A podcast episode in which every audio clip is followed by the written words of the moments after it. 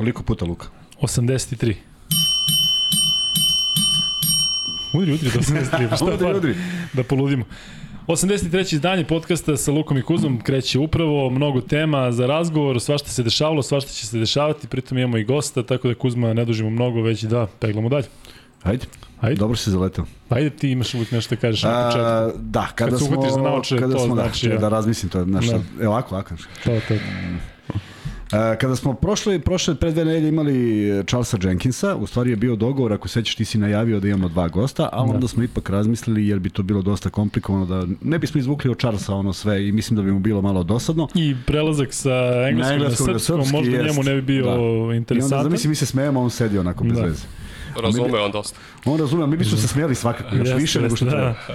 Ovaj, tako da je sa nama na večeras Nenad Stefanović, trener FNP-a, kojeg, kažem, želeli smo da ugustimo pre dve nedelje, a još je ispalo, kad je bio FIBA kup, FIBA Liga šampiona, a još je ispalo bolje jer je FNP od juče jedan od vodećih ekipa na tabeli. Ali Nenade, izvini, izvini, Nande, se sećaš da smo hteli i ranije. I Mi smo ranije, pričali da, da, mnogo da, da, ranije, da. već na početku, Jest. čak kraje prošle sezone, pa kada smo se pitali što ne pričate više o FNP-u i Megi, da smo hteli i tad, Jeste, tako ali da... tad je stalno nešto išlo i neke aktuelnosti smo bilo je pratili, tako da nije svačega bilo... I nekako jeste. se sada otvorilo, jako i sada aktualno. Nenade, dobrodošao, hvala ti što si došao.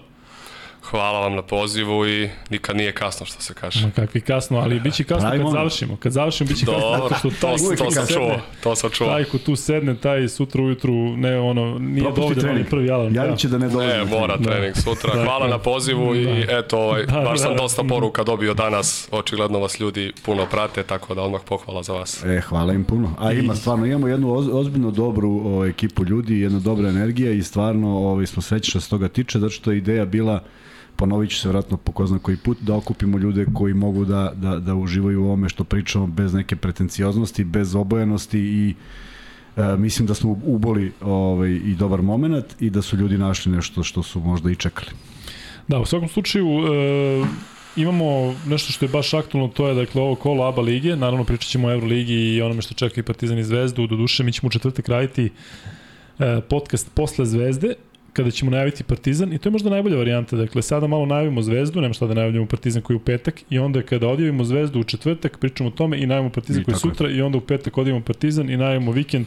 Neko je najbolje ovako kad se potrefi četvrtak Da, i petak. i ne znamo dalji raspored, ali stvarno je bolje kad Da. je tako, mada će to značiti dva podcasta u dva dana, ali mislim da su ovi posljednji bili jako dobri i da je, da je opet bila velika gledanost i jednog i drugog.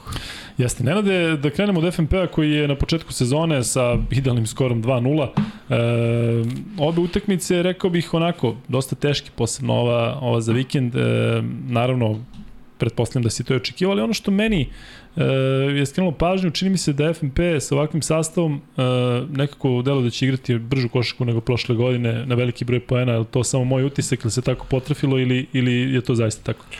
Pa jeste, mislim da je ekipa drugačija. Tako da i to samim tim bilo bi malo i glupo da igramo na isti način nego prošle godine. E, prošle godine možda se više vrtelo oko dva, tri igrača, tako kažem. Ostali su bili tu u nekoj poznacima navoda senci. Mislim da ove godine što smo već videli negde u prve dve utakmice, e, znači prvo i ne znam Bić i ko je još bio odličan, sad na ovoj poslednjoj Neranđić, Simović, Manojlović, tako da onako želja jeste da igramo malo brže, e, malo drugačije.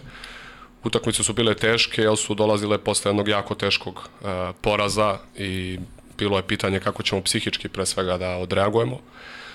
E, mislim da su momci to super izneli, e, pobjeda nad Megom kući jako značajna, stvarno jako značajna, ekipa Mege je jako dobra atletski, e, odličan trener, puno talenta, puno, puno svega, a u Čačku znamo, U Čačku kao znamo, uvek, kao i jest, uvek. u Čačku kao i uvek s njima na jednu loptu, onako teško, prva utakmica njima kući, puna hala, oni sa jednom izvarednom energijom, međutim, eto, ovaj, možda nam je e, veliki broj utakmica ovako rano odmogao u nekim stvarima, ali nam je možda za ovake neke završnice već sada pomogao ovako rane fazi sezone. Hajde, navratit ćemo se na ABA ligu, ali ti si pomenuo dakle, e, Fibinu ligu šampiona i taj težak poraz. Zaista je delovalo ono dobro protiv Rio Breogana, pa zatim i protiv Opave. I onda pričali smo ja i Kuzma šta se desilo u toj završnici, e, je li to neko neiskustvo, da li je to možda neki strah, zato što bukvalno stane cela sezona u završnicu mečevi u jedan produžetak, bukvalno sezona u, u Evropi. U 25. septembru. Da. Što je neverovatno. Pa malo smo Kuzma i ja pre ovaj, emisije pričali o tome. Sigurno je da je bilo nekih dosta faktora koji su uticali da mi tu finalnu utakmicu ne odigramo na jedan odgovarajući način. Evidentno je da je naša najbolja utakmica bila protiv Breogana, za mene. Utakmica koju smo 4-5 dana spremali, te smo znali sve igrače, protivnika, trenera koji radi u ABA ligi, znali smo njegovu ideju, na toj utakmici smo ispoštovali sve što treba da se ispoštuje. U ovom kratkom roku između ove dve utakmice sa situacijom koja je bila sa Valinskasom, definitivno nas je sve to malo poremetilo. E, nismo bili koncentrisani e, na toj utakmici finalnoj svi, tu pričam i za sebe. Svi smo napravili neke ovaj greškice sitne. Protivnik je onako, čini mi se, imao svoj dan baš poprilično. I opet na sve to smo imali pobedu ovaj, u rukama. E sad, šta je to na kraju presudilo? Treba razumeti da nismo igrali u svojoj hali, znači u kojoj inače treniramo. Ja sam siguran da je bilo u železniku, da ne bi bilo nikakvih problema ni u jednoj utakmici. Ekipa je neiskusna, objektivno. Mislim, Valinskas i Charles imaju iskustvo igranja Evrope i to je to. Tu sve ovaj, počinje i završava se. To se možda više videlo u drugoj utakmici, gde je Vale otišao, gde Charles igrao sjajno prvo po vreme, dobio udarac, nije mogao da igra drugo po vreme i gde su ovi mlađi momci osetili ipak da je možda to u tom momentu prevelika tenzija za njih, onda su se neki drugi malo više potrošili, možda nas je to koštalo u, u finalu. Eto ovako sad iz ovog ugla. Mi smo pričali dok je trajala Liga šampiona i motive i shvatili smo, ne shvatili smo, nego konstatovali smo da su motivi vrlo jednostavni. E, svaka ta utakmica donosi određeno iskustvo za momke koji ipak imaju jednu utakmicu nedeljno, to bi bilo idealno bez Kako obzira ne? što su sigurno putovanja i daleka i komplikovana, ali Uh, već, je, već je benefit od svega toga. Kako nego, ne? Tako da je šteta što, što, što to nije prošlo, jer e, sama organizacija u Beogradu, iako smo i pogledali timove i konstatovali smo da je Breogan najjači od ovih timova. Tako je. I negde smo razmišljali ako FNP pobedi Breogan, ovo će biti lakše. Jest. Ali eto kako se, kako se namestilo i šteta, ta, ta, ta završnica je mogla da bude i na drugu stranu i da igrate jedno za ove momke izuzetno kvalitetno takmičenje. Kako ne, mislim Breogan je prve dve utakmice u Španiji dobio, sad je izgubio od Juventud, znači stvarno je dobra ekipa. Hmm. Mi smo opet sa Dancima na pet razlike, nam je trojka bukvalno izašla iz koša, znači vjerojatno da ušla, ovaj, pobedili bi. Iskustvo bi bilo neprocenjivo, zaista grupa, znate, verujem koja bi nam bila, znači Darušafaka, da. Ludwigsburg, Hapuel pred 10.000 ljudi, znači ono što je dobro, razdvojene su nedelje. Znači jedne da, nedelje igraš, da, pa jedne ne igraš, znači mogli bi mi to da iznesemo, ali okej, okay, šta je tu, imaćemo sad više vremena za trening, što možda ovim mladim momcima nekim i treba, značile bi te utakmice, bit će dosta utakmica ABA ligi, bit će kup, Biće i domaća liga, tako da, ok, spremamo se sa sledeću godinu, ponovo. Kako se oporavi ekipa za tako kratko vreme, zato što to je ipak veliki udarac, kada nam je bio ovde Nena Trunić, on je pričao o tom nekom psihološkom momentu gde mora i igrač individualno da radi na sebi, a morate i timski da jednostavno se podignete. I po ovim rezultatima na početku ABA lige deluje da ste vi to jako lepo se izneli u smislu da nije ostavilo traga na ovo takmičenje. Mislim da polazi dosta stvari od stručnog štaba neki naš pristup je bio takav da smo i mi prosto ono, odbolovali smo dva dana što je moralo, ali čim smo ušli u salu naredni dan, osmeh na lice i ajmo da radimo, to je to. Mislim da su igrači to odmah videli od prvog treninga. E, rekao bih da je ekipa ove godine u tom delu bolja od prošlogodišnje u tom trenažnom smislu i u smislu možda čak i neke motivacije. Jako su svi motivisani da napreduju, svi su bili svesni, ok, izgubili smo, dešava se, idemo dalje, igramo prvo s Kolo Megom koja nas je pobedila 20 razlike na turniru, želimo da ih pobedimo i to je to. Tako da onako rekao bi zajedničkim snagama i uz podršku ljudi iz kluba koji su isto obali sastanak sa nam i rekli ok ljudi, desilo se, idemo dalje, nije smak sveta, imaš da se igra, Tako da ono, eto, sam si rekao, ova dva kola potvrđuju da smo uspešno iz te krize izašli. Filip Čović je glavni odgovor. Tako je. I koliko je sad srećna okolnost što on ipak poznaje sve to. Nije čovek koji je došao od nekud pa je sada Jest. predstavnik e, nečiji, nego je bivši igrač koji zna upravo ovakvim situacijama. Kakva je bila njegova reakcija? Pa dobro, mislim. Isto kao i svi mi, njemu je bilo krivo. Uh, on uvek to kaže Meni je krivo uvek više zbog vas, ja znam koliko ste vi u sali, koliko se trudite, koliko radite, tako da on je prvi stao iza ekipe, popričao je sa svima, tako da ono što radi od prvog dana kad sam ja tu, mislim, malo ljudi je svesno koliko je on rizikovo što je meni dao priliku da budem trener. Tako da ja, ovo stvarno nije reda radi, ali ne znam da ću ikad moći da mu se zahvalim dovoljno. Mi pričamo o nekom treneru koji radi u drugoj ligi, znači muž koji dobija priliku na nivou ABA lige, sigurno je da je 95% ljudi reklo teško, će, teško će ovo da ide. On je zaista stao iza mene u svim aspektima, od izbora stručnog štaba do izbora ekipe i kažem, on je za mene najzaslužniji za sve ovo što se dešava u FNP u posljednjih godinu i i nešto. E sad, mi smo pričali ovde baš o prošloj sezoni i mnogi naši gledalci su ovaj, napisali i podelili neko mišljenje koje smo imali.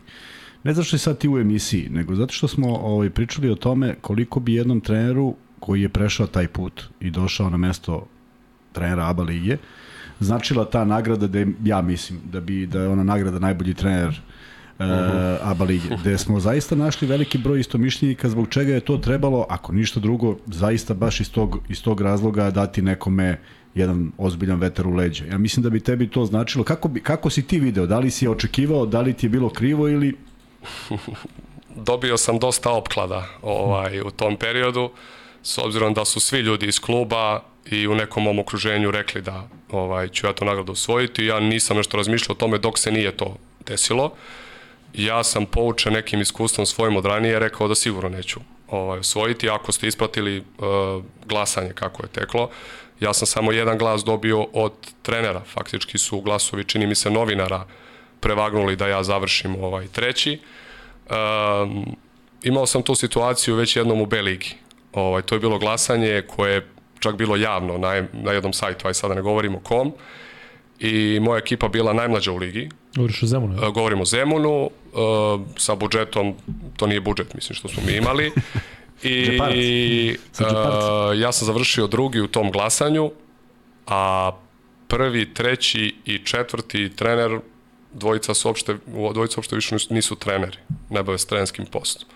I onda kad sam tada video da prosto ono nešto što ti objektivno možda pripada, nisi na tom nivou dobio, ovde ja sam bio presrećan što sam treći, iskreno vam kažem, i uopšte se nisam nešto, ovaj, i ja sam posle video reakcije, ali, ono, mislim, prvi je bio Željko, drugi je bio Dejan, šta imam ja tu sada nešto ovaj polemišem da sam rekao kao pre sezone e, ja ću biti trener godine bilo bi dobro dečko ajde ovaj produži u ludnicu. Tako da ja sam bio zadovoljan Uh, meni je bitno da su ljudi prepoznali eto to što ste vi rekli, dosta sam poruka dobio posle toga, to mi je značilo, tako da sigurno da bi to bio još jedan vetar u leđa, ali ne smatram sad da nešto manje imam zbog toga. Ne, ali sad i ovo možda bude vetar u leđa, znaš, imaš dvojako. Ako je onako da. pozitivno, ovako tera čoveka yes, da bude još bolji. Tako je. U svakom slučaju ponovo ste krenuli odličnu sezonu i to je sad neki najbolji način da potvrdiš sve to. Tako je. E, pre nego što pređemo Nenade na sam tim i na igrače pojedinačno, e, reci mi kakve su sada ambicije i da li su se promenile nakon e, ispadanja sa kvalifikacijnog turnira za za Fibinu ligu šampiona. Partizan i Zvezda su veliki favoriti i to Tako niko ne može da, da ospori. Jednostavno, iz kog god ugla, sve drugo osim njihovog finala, uz dužno poštovanje svih timova, bi bilo iznenađenje. Tako da, u takvom odnosu snaga, gde vidiš e, FNP, odnosno kakve, kakve su želje, kakve su neke projekcije, šta je tebi možda u glavi i e, da se samo osvrneš usput na ovo što je proširno sa 6 na 8 timova u play-offu, kako to utiče na vas i da li uopšte razmišljate o tome? Sigurno je da nakon prošle sezone koja je bila izvaredna uvek je teže ponoviti, jel to svi negde znamo. Uh, prošle sezone dok su svi negde osvestili kako mi igramo, mi smo već imali 10-2 i bili smo jednom nogom u play-offu. Tako da mislim da će ove godine biti teže. Uh, nikome nećemo više biti iznenađenje, svi će se jako ozbiljno spremati za nas, to već sada vidimo. Uh, I kad smo igrali kvalifikacije, mi smo rekli, želja nam je da uđemo u Ligu šampiona, svesni smo onda da bi teže bilo ući u play-off, verovatno. Uh, sada kada nismo ušli, cilj je play-off uh, i cilj je da možda neke stvari koje nismo uradili prošle godine, ove godine uradimo. Znači, to je da možda još nekog favorita uh, savladamo, pobegle su nam neke utakmice kući, ovaj, onako jedan popriličan broj i Partizan i Budućnost i Cedevita i Cevitu smo dobili tamo. Tako da eto, to su neki novi ciljevi da možda u kupu probamo jedan korak dalje. Tako da ima motiva dovoljno, apsolutno ambicije su ono da, isto kao i negde prošle godine, što sam ja rekao na početku, da budemo bolji na kraju sezone, da ti neki mladi momci koliko god je moguće dobijaju priliku da igraju i da zadržimo jedan kult, čini mi se, koji smo napravili za ovih godinu dana, pozitivan, dobre atmosfere, dobre energije, pune hale poslednjih jedno mesec i po dana je bilo zaista lepo u železniku ovaj, biti na utakmicama, tako da eto, to su neki ciljevi verujem da ćemo uspeti da ih ispunimo. Su uslovi za treniranje isti oni kakvih pamtimo, mislim, još iz mog hmm. vremena kad je železnik nastajao, dakle sve je na raspolaganju koliko treba. Apsolutno, tako. najbolji verovatno u, u, u Srbiji u smislu hale, e, medicinskog bloka, teretane, blizine, pošto sam ja u finskom gradu, tako da ne može bolje. tako da sve, sve kako treba, stvarno ljudi, svi koji rade tamo, koji su na raspolaganju ceo dan, stvarno nemam baš ono jednu zamirku. E, malo kratko o toj playoff, e, o playoff formatu, da, da li to nešto format. utiče na vas i generalno je li to bolje ili lošije za ligu? Pa znate kako, uh, mi smo prošli oni sa šestog mesta, dve pobede smo imali više od sedmog, uh, lakše će nam biti da uđemo, mislim, ako ima osam, siguran sam da ovi timovi koji su u vrhu tabele, ako prođu u budućnosti CDVita Eurocup dalje, uh, Partizan i Zvezda Evroliga, da njima to baš i nije da im odgovara. Mislim da svim ostalima odgovara, da je motiv više, da se ono što se kaže kida svaku utakmicu i prošle godine mi smo negde 3-4 kola pre kraja to rešili. Znači, objektivno da je bilo 8 i prošle godine do posljednje kola bi bila borba za tih 8, tako da, što da ne, mislim, produžiti seriju. Nama je bilo, mi smo tek, tek tada to videli, prelepo nam je bilo u play-offu, iako smo izgubili 2-0, ali sam taj osjećaj, samo kad ono vidiš play-offs, hmm. onaj papirić u železniku, da. lepo ti je, eto, tako da, ne. super. E, da pređemo sada na tim i da krenemo naravno od igrača koji je, ajde da kažem, možda i najzvučnije ime, zato što imao tu karijeru kakvu je imao i u Euroligi i u Zvezdi, Charles Jenkins koji je bio ovde gost kod nas. E, svi su nekako e, bili srećni kada se vratio u Srbiju, pretpostavljam i on sam posle te jedne godine pauziranja, međutim čak su i neki naši gosti primetili da on ipak trenutno nije onako vesel i pun energije kao što je bio ranije. E, nekako meni deluje, o tome nismo pričali e, sa, sa Charlesom, ali deluje mi da bi možda njemu najviše značila ta sezona u FIBA Ligi šampiona, zato što bi ponovo bio na toj nekoj mapi za ove nove igrače, naravno to bi bio neki da. novi korak, a za njega bi to bila prilika da se možda dokaže protiv tih nekih, ajde da kažem, zvučnih klubova. Da. Sad je u Čačku bio sjajan tako da stvarno je bio jako dobar, onakav kako smo negde očekivali možda nismo očekivali stvari od početka, imamo veliku pauzu. Treba imati razumevanja, godinu dana je godinu dana u bilo kom uzrastu, a što si stari, teže je. Tako da tu nema nikakve dileme. Mi smo prezadovoljni što on tu. Uh, on je apsolutno ono što ja kao trener mogu da poželim od najstarijih igrača. Znači, dobar primjer svima. Ne čuje se nikada na treningu, a opet kada treba, on ih sve skupi, kaže dve, tri reči, malo priđe meni, coach, hoćemo ovo, hoćemo ono, tako da zaista ovaj, znao sam da će mu trebati vremena, jedan od razloga što sam zakazao osam prijateljskih utakmica je bilo zbog njega i Frejzera, najviše zbog njih dvojice. E, tako da ja očekujem da od ove utakmice u Čačku on nastavi da, da raste. Nije nasmejan možda od puno treninga, ovaj, Možda mu teško pa. Mada on voli da radi. Ne, on je super nasmen, ali ga ljudi pamte, pamte da je ipak da. još, da. dakle, da je, da je, da je da, genijalniji. On je jutro došao, iako nije morao. Tako da, ovaj, došao na trening. Došao na trening. Jeste, ubacio jedno 150-ak i vezo i ovo i ono, tako da on je sjajan. Stvarno što nama treba i baš onako sve to što sam očekivao, sve sam i dobio, imao je problema s kilažom kad je došao, to je bilo vidljivo. Da, to se videlo. To da, se videlo, nije naravno, u ovim delovima to, ali ovaj, mislim da je 10 skino od, od prvog. Tako od da, i kad smo pričali prvi put, ja sam rekao Charles, da. 1. avgust, on je rekao coach. Ja, nije, ovde ti, ovde ti je bio obučen, ali na utakmici, na utakmici se, ja sam se. vidio, znači, znaš, sam što kažeš u određenim delovima tela, da, nije to to, jest. ali on će to da... Super, super. E, ali fantastična je reakcija klupe bila, uopšte ne klupe, nego posle posle odbranje, odbranjenog napada tako, u Čačku, da, neverovatno koliko je. je to dobro izgledalo. Pa, meni je to baš važno, iskreno i dosta neka čini mi se previše pažnje ono, tome posvećen. Tako da dosta se desi onako na početku, pogotovo u tim prvim prijateljskim utakmicama kad dođe neka teška situacija, normalno igrači još nisu integrisani u jednu celinu i onda onako ono, mi odbranimo napad, neki bit, ono, ono vidiš ono, sedam Ravno. i onda mi to okružimo malo objasnimo da to ne može tako, malo pravimo neke team buildinge i onda meni je to baš važno i igrači to znaju, tako da to je to. Da li ona ukradena lopta protiv Mege da je nekako i njega podigla? Yes, da je kad se bacio, da, da, jest. kad imaš tako najstariji igrača i možda najzvučnije ime koje leti po terenu, yes. to je valjda najbolji primer šta treba mladi igrači da rade, da ne možeš da im pričaš nego kako to izgleda u praksi. Baš smo se sutradan dopisivali, ovaj, ja mu kažem, molim te, nemoj više, uplašio sam se. Mm, Da. E, idemo dalje sa ovim, ajde da kažem, igračima koji su novi, kada promenješ e, Trenta Frazera i kada pominješ e, Bio Bića, a i pričao si malo pre, k, pre nego što smo počeli podcast, otprilike kako se možda nekako bira igrač i sve, e, da li oni za sada ispunjavaju tvoje očekivanja, e, ipak su Amerikanci, nekako od njih se uvijek očekuje najbolje i kako se oni uklapaju međusobno?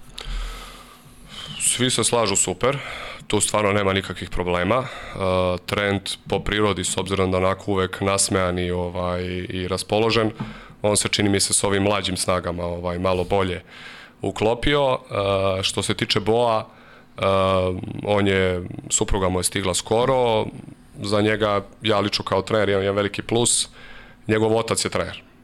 I to onako vrlo detaljan, tako da on već ono kad napravi neku grešku, on se sam okreće ka klupi i kaže On zna šta. zna, zna. Tako da možda je nekad i previše iskreno ovaj kritičan. Uh, on je isto došao uh, nespreman uh, na pripreme, jer ima atroskopiju za koju smo mi znali. Uh, I onda je za to trebalo malo vremena da on pronađe sebe. Uh, on je faktički tek tu finalnu utakmicu odigrao onako kako smo mi očekivali, odnosno kako sam ja očekivao, nastavio je to ovaj, sa Megom, on nema nikakav problem, znači uđe u petom minutu, osmom, desetom, počne, Nije sujetan kao što znaju da ništa, budu Amerikanci. tako? da, ili kao što znaju da budu Srbi. ovaj, tako da on sjajan, zaista jako sam zadovoljan kako se ponaša, kako igra, drugačiji je tip od Tasića koga smo imali, znači nešto ima bolje, nešto lošije. Što se tiče Trenta, e, mi smo kada smo tražili zamenu za Brajsa, shvatili da ćemo morati u tom smeru da gledamo, zbog limitiranosti budžeta. Objektivno svi playmakeri koji imaju neko iskustvo u Evropi su nedostižni za nas. A, tako da smo njega jako brzo odabrali, odlične smo preporuke dobili, jako dobar program, Illinois. Sa Jako, koleđa, tako? tako je, sa koleđa, jako dobar uh, trener, koji je onako u ovim nekim delovima koji su nama važni skautinga pripreme, već neko vreme ovaj, trošio sa njim. Treba će mu vremena još, to je sigurno. Uh, sad u Čačku spremili smo ga za sve, ali ovaj, dok ne, ne vidiš ti to sam džaba. Sledeći put će biti bolje. Sledeći put će biti bolje i ovaj, tako da tu kod njega uvek ima neki stvari koje možda ne možeš ni da predvidiš. On ne znam, neka je bila treća ili četvrta utakmica ja mu kažem trend, ono, naš, probi, brz i on kaže 3 sekunde kao ovi su u reketu. Ja kažem, nema to. A, nema odbrane. Tako da, dosta nekih faktora ima koje ne možeš da predvidiš, ali mislim da ima uh, potencijal da bude bolji od uh, Brajsa. Mislim E. da je taj playmakerski deo kod njega malo više razvijeni već sada. A znači pričamo o dečku koji nije igrao Evropu. Tako da je on za sada, ja sam zadovoljan. To je uvek u neku ruku onako hazarderski potez da dovedeš igrača Jeste. sa koleđa za koga je sve drugačije. Košarka Jeste. kao košarka drugačija, međutim železnik u odnosu na njegov kampus ili novi je verovatno nebo i zemlja. Sigurno. I jel ti deluje da, da to ide onako brže? Meni deluje da ide brže nego što se očekuje, zato što znamo da nekim igračima sa koleđa treba i po 3-4 meseca, nekada i, i gotovo da. Da. cela sezona da naprave, naprave taj prelaz. Ubacili smo ga u mašinu čim je došao. On je stigao, verovali ne, 27. jula u Beograd. To je vratno neki rekord ovaj, što se tiče Amerikanaca. Ne vjerujem da je neko došao ranije. Da. Tako da smo ga brzo ubacili u mašinu, bombardovali ga snimcima, analizama, treninzima, uh, drugim ekipama, utakmicama. Složio bi se s tobom da, da za ovaj period koji je prošao, opet kažem, mi smo 13 utakmica odigrali, tako da i to treba uzeti u obzir.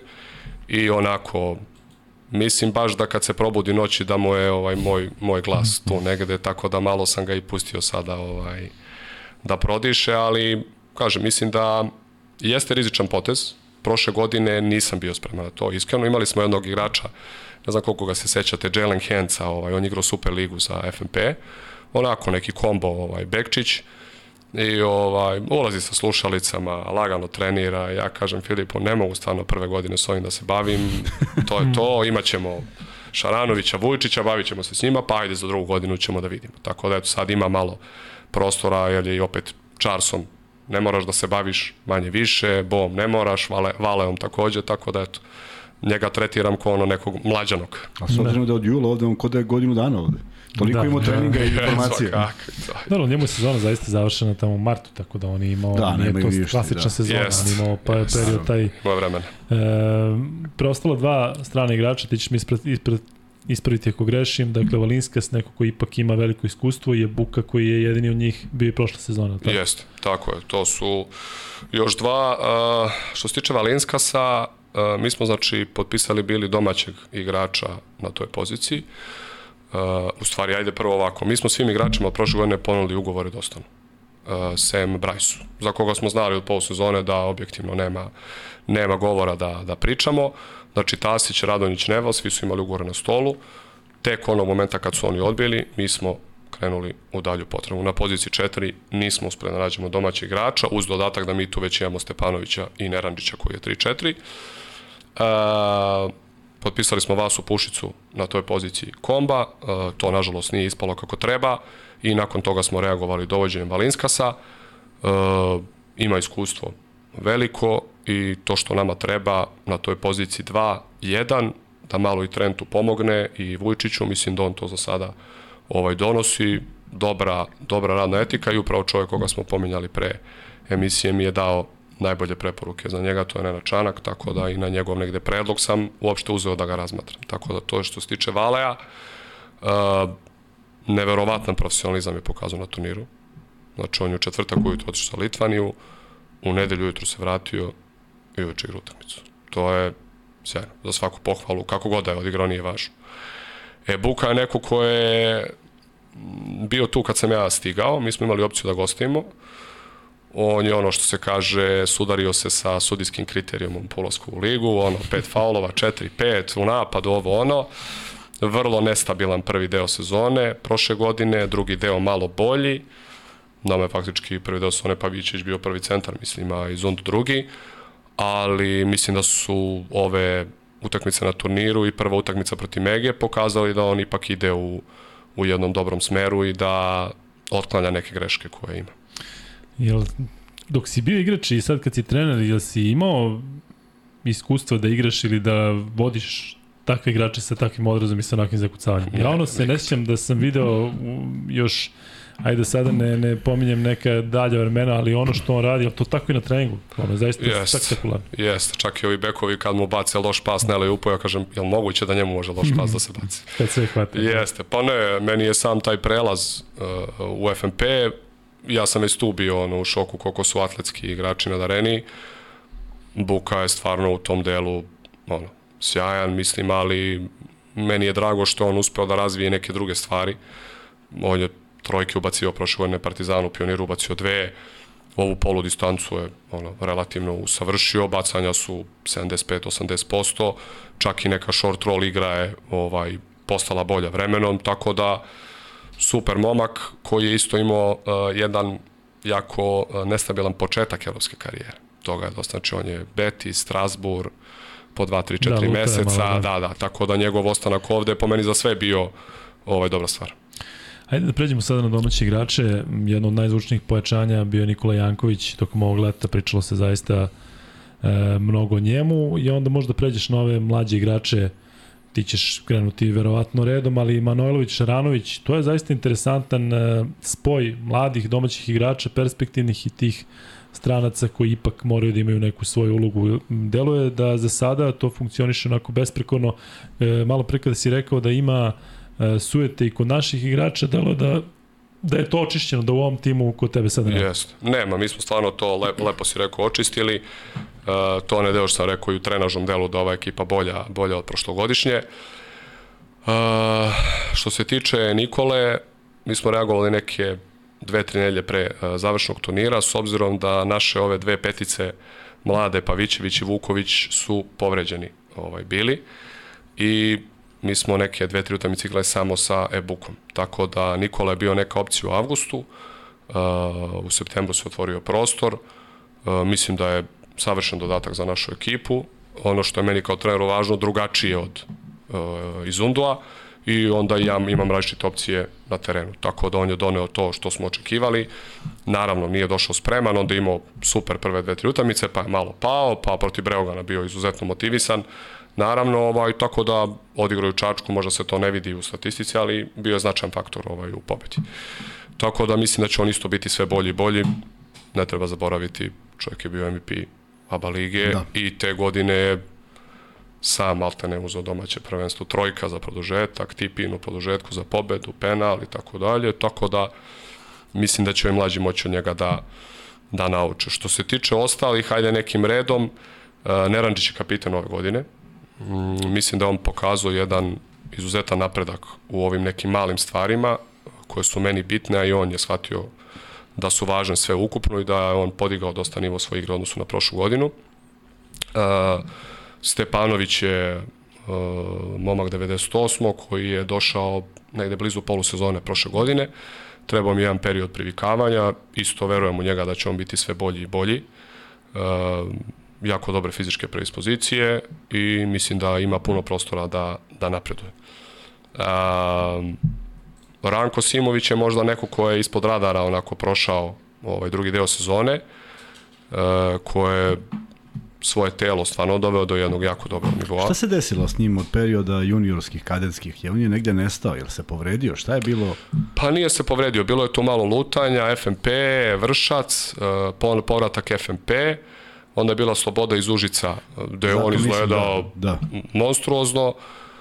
Pa možda je ta pozicija bila problem. Ja mislim da je on ipak trojka. On igra trojku kod mene, znači od faktički prošle godine, i mi smo nešto malo tu dal 3, dal 4, ipak je on 3. Mislim da je 3 njegova prava pozicija, da tu dobro ovaj, se snalazi.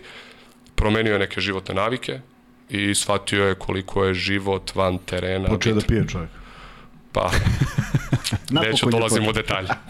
ovaj, ali u svakom slučaju ogroman napredak je pokazao i, i verujem u njega da će on biti sve bolji. Sad je odigrao super utakmicu u Čačku. E sad od ove plejade mlađih ja bih rekao da su oni dosta zapostavljeni, iskreno sad ovako vam kažem. E, Šaranovića, ja ne znam da li bi ko pomenuo prošle godine, da ja ono nisam ko papagaj po konferencijama, ono rekao ljudi, on je 2003. Mislim, vi to možete razumeti. On nije u juniorima davo 40. Znači, juniori Zvezde su izgubili te godine, ali te ne sve što je moglo da se izgubi.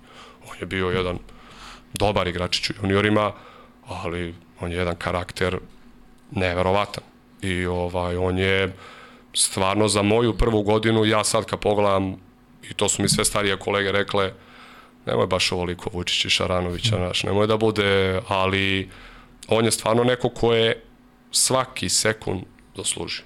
Ništa mu nije poklonjeno i on nikad nema nikakav problem, jedno igra 15, sledeću 3, čuti, radi, zna šta mu je uloga i to je stvarno jako vredno. Uh, Manojlović je imao jedan malo drugačiji put, On je posle juniora Zvezde onako bio u jednom malom padu, igrao je sezonu u Tamišu, pa sezonu u Slodesu. Znači, mi pričamo sad o jednom momku koji je pre godinu dana igrao za Slodes koji je bio 16. u KLS-u, od 16 ekipa.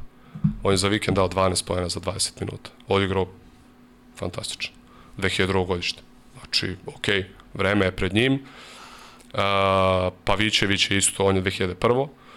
Uh, telo treba još da dovede na jedan odgovarajući nivo, On ali... to i u kadetima ima taj problem. Jest, da, jest. Je. Sad je to malo, malo više to bolje, kilaža odgovarajuća, objektivno neko ko je prošle godine onih prvih 4-5 utamica sve iznenadio. Ovaj, čak su vam ono iz CDVite ono rekli ovaj nam nije bio ni u skautingu ovaj, za onu utakmicu tamo što smo pobedili. A, tako da verujem da i pred njim isto jako lepa karijera. I momak koji je na najnezgodnijoj poziciji, to je ovaj Vujčić, gde ono, ja mu kažem, čak i moja majka vidi kad izgubiš loptu, ovaj, to svi vide, tako da njemu je sigurno najteže, Uh, negde su sve oči uprte ka njemu i kritike i tako dalje, pa smo onda imali finalnu seriju sa Zvezdom gde on nije mogao da igra i onda su Radonić, Šaranović i Manolović prenosili loptu. I onda su ušli posle sočonicu i rekli Vujčo, izvini brate za sve što smo Niko ti rekli, sad nam je jasno sve. Tako da on je isto neko ko ova, ima dobre fizičke predispozicije za ozbiljnu košarku i ova sezona će pokazati uh, da li možda napravi neki iskorak u odnosu na prošlu godinu. Ova trojka iz Zvezde koja je došla juniorska, dakle Vudragović, Matović i Vuković, nekako su svi um, videli njih kao momke koji bi mogli da dobiju šansu. Gde su sada oni, negde na radaru, koliko ima prostora za njih? Oni su svi sa nama svaki dan. Vuković ima povredu jednu koja je u procesu saniranja. Nadamo se da će u nekom skorijem periodu biti saniran. On je jako mlad momak, znači da je peto godište. Tako da smo mi negde i znali da će... Godinu dana mlađi od Matovića. Jest, od jeste, on je mlađi. Uh, on inače ima pravo da igra za Srbiju od 21. To ne znam koliko ljudi znaju. Uh, ova godina će sigurno proći u spremanju njegovog tela za viši nivo košarke. On je bio i prošlo leto s nama i ovo. Uh, mi smo igrali neku prijateljsku utakmicu sa Iranom, da je imao zadovoljstvo da čuva ovaj, Hadidija i bio u šoku ovaj, da i on trči i tako dalje. Ovaj, tako da, ovaj, tri puta stari od njega. E, po papirima bravo. dva puta. Po papirima dva puta, stvarno da, tri. Pa da. Tako da je ovaj, on brzo doživeo taj sudar sa seniorima. E, onog momenta kada bude spreman, vraća su trenažni proces i ja se nadam od drugog da sezone da će moći da ugrabi i neki minut. E, nažalost, za njega nismo imali opciju pozajmice, s obzirom da on e, B ligu ne može da igra ili stranac i dalje. Da. A, što se tiče Matovića i Vodragovića, oni su dobar deo nedelje sa nama i obojica su kao pozemljeni igrači u B ligi. Ovaj, gledao sam ih za vikend i jednog i drugog, jednog u prenosu, drugog uživo. A, Matović u Borcu iz Zemuna, Vodragović u Žitku basketu, gde će kroz nekih 20-25 utakmica sakupiti jedno iskustvo koje im je neophodno, a opet da ova 2, 3, 4 dana u nedelji i sa nama budu aktivni učesnici treninga, da će isto napredovati, tako da ja očekujem da oni u periodu nekom od marta, aprila budu sve bolji i bolji. Ovo što kažeš sada, pošto ja ne mogu da, da, da, da znam, ali zato te i pitam, da li je to učestalo ta pozajmica mlađih igrača ili ste vi to odlučili baš zbog njih i zbog ovih 25 utakmica, jer to je nekada u naše vreme bila potpuno Normalno. normalna stvar. Da. Jest. Koliko je to sad zastupljeno ili je to železnik uzeo da baš iz razloga da ne bude 16. i 17. na treningu i da se vuku od, od, od, od, po terenu Jest. gledajući trening. Tako je. Pa to je nešto što smo Filip i ja prvi put pričali kad smo se videli. Još nismo znači dogovorili će obojen trener i obojica smo se složili oko toga da prvo prema tim mlađim igračima mora se bude iskren i druga stvar da ne treba da se gomilaju igrači. I mi smo stvarno potrudili to da uradimo. Prvi put kad smo seli sa njima dvojicom pričom, mi smo rekli, ej, plan za vas je B liga i FNP. Pa vi sad vidite da vam to odgovara. Ako ne odgovara, ne znam da li možemo dalje. Oni su svesni momci bili da to jeste prava prilika za njih. Ja sam im objasnio prvo i da sam ja igrao tu ligu, drugo da sam bio trener u toj ligi i da znam koliko će im značiti. Naravno da svi oni kažu, ok, vidiš malo tamo neki dolazi tetovirani matori iz Surdulice 35 godina, ali on dođe i dati 25 za vikend i to lagano. Tako da su već vrlo brzo videli obojica da je to ovaj dobra liga za njih. To će sigurno biti neka praksa. Ovaj mi opet uh, ne možeš nikome u KLS da ih daš, jer onda neće biti uopšte sa nama. Uh, ovako, ovo mislim da je neko dobro rešenje. Skupit će to što treba, bit će s nama da će opet po nekom posebnom programu za teretanu, za neke korekcije biti tu i opet s nama oni na treningu učestvuju. Neke stvari će naučiti pre u toj, u toj prvoj Tako B, čak nego u Neke KLS. bolne stvari, da. Jest, Neke bolne jest, stvari. jest.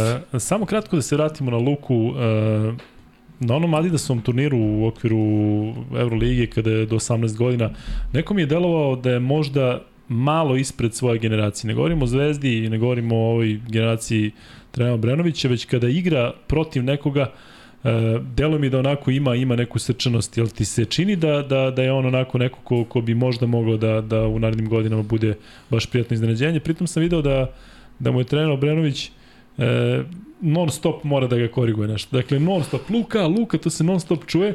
Dakle, nekada da ga malo povuče i više, ali zaista talent e, nevjerojatan. Uh, ja bih rekao da su obojica uh, dosta talentovani. Nikako ih ne izdvajam, nego jednostavno jeste, za Luku, da, za Luku da. je bilo specifično zato što čuješ 56 puta Luka tokom, tokom, tokom meča.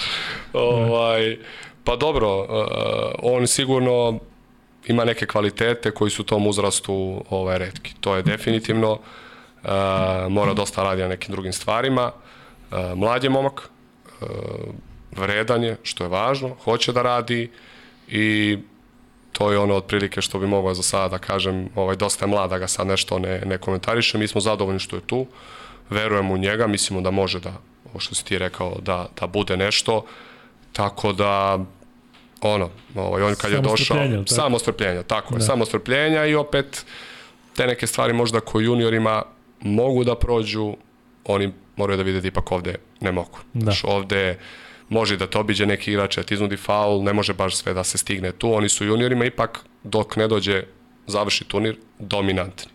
I to nosi neke loše stvari sa sobom. Ovde da. već i na našem treningu borba je. Videlo se kod Đurišića koliko mu znači to što igra sa seniorima, pa kada onda dođe da igra Kako sa svojom generacijom, gde on za, pa, za... I godinu dana u KLS-u. Tako, tako je. Da, tako. Da, da, da, da. I da za kraj kažem, gde ima tu prostora za Zajca u celoj toj priči? Uh, da li ima negde prostor za njega? Zato što mnogi smatraju da je njemu uh, ta visina problem. Da.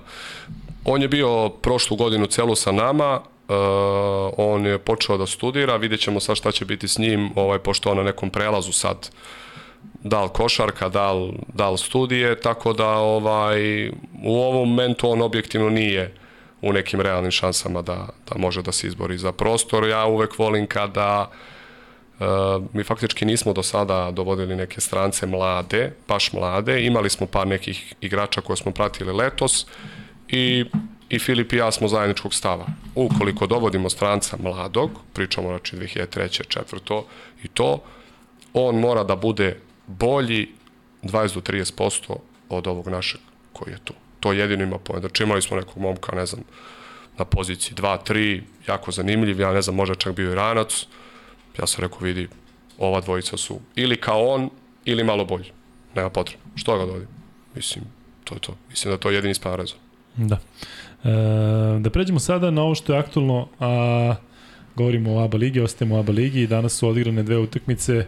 E, Partizan je igrao u Makedoniji, pobedio MZT, onako, delo je ubedljivo, mada je bilo i tu neki problema, a Zvezda je u Beogradu sa vladala budućnost. Tek je tu bilo problema.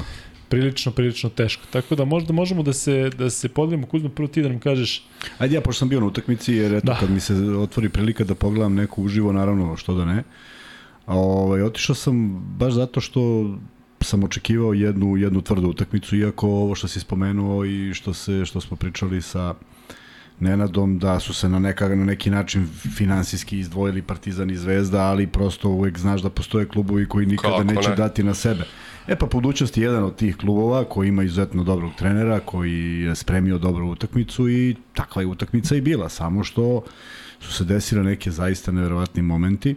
Naime, u jednom trenutku sam shvatio a, a kas, da, je, da, da je spoljna linija zvezde postigla 11 poena. I završili su sa 6. Poslao sam, ja, da, bez, mi bez Holanda, posla, da. tako? Sa Holandom? A sa Holandom, znači, aha, sa njegovih aha. 10, ukupno je 16, što ne pamtim kad se desilo. Jest. E, Ivanović je počeo utakmicu, nije se upisao, a Adam se upisao u posljednje minute. Bacanje ono što da. Dakle, to je ozbiljno, da, da, da moraš ozbiljno da analiziraš kako je moguće da se to desi. Bez obzira što sede ispred mene i Nedović i Dobrić i svi su povređeni, sve je to u redu, ali prosto ovo je nenormalno veliki broj poena u reketu, iako čak ni igra nije bila bazirana baš da se samo spušta. To što Bentil da trojku, pa je Petrušev dao trojku, to ne računam, jesu oni, ali su ljudi koji mogu da pogode. E, tako da je to, to mi je ostavilo najveći utisak. E, druga stvar, a, apropo, s obzirom da nam je nešto trener, pa ćemo ga i pitati kako on, kako on reaguje u tim stvarima. E, bilo je kritike na Petruševa u Euroligi. I znam old school trenere koji mu ne bi dali šansu narednih 68 godina. Međutim, Vlada Jovanović ga ubacuje u vatru i verovatno posle neke, nekog razgovora, ne verujem da nisu obavili nikakav razgovor, ovaj dečko odigra danas jednu sasvim solidno, ozbiljno. Dugo nije tako partiju odigrao ni na jednom nivou. Tako, tako. E sada, on je, on je u komfortnoj zoni. On poznaje ABA ligu, iz Mege ili iz gde god da igra, on poznaje sve to i naravno da mu je lakše. Ali ovo mora da bude energija sad u četvrtak, petak, kad god igraju, jel tako? Ne može, ne može drugačije, ne može da vagaš utakmice, ne može da Razlika tvrdo. u odnosu na FS. Razlika ozbiljna, ozbiljna razlika. Znači, nešto je on dao više poena, ne gledam na to, nego njegovo zaletenje na košu je bilo zaletenje na koš, a ne da li će neko da me povredi. Njegov skok u odbrani je bio glavu iznad svih, znači sve je pokrio I naravno da ima grešaka kao što su imali, ali to onda više nisu greške koje se primećuju. Prosto ne možeš ti sad očekuješ od nekoga da odigra savršenu utakmicu, ali to su zaista minorne stvari na ono kako izgleda. Tako da mi je to drugi utisak.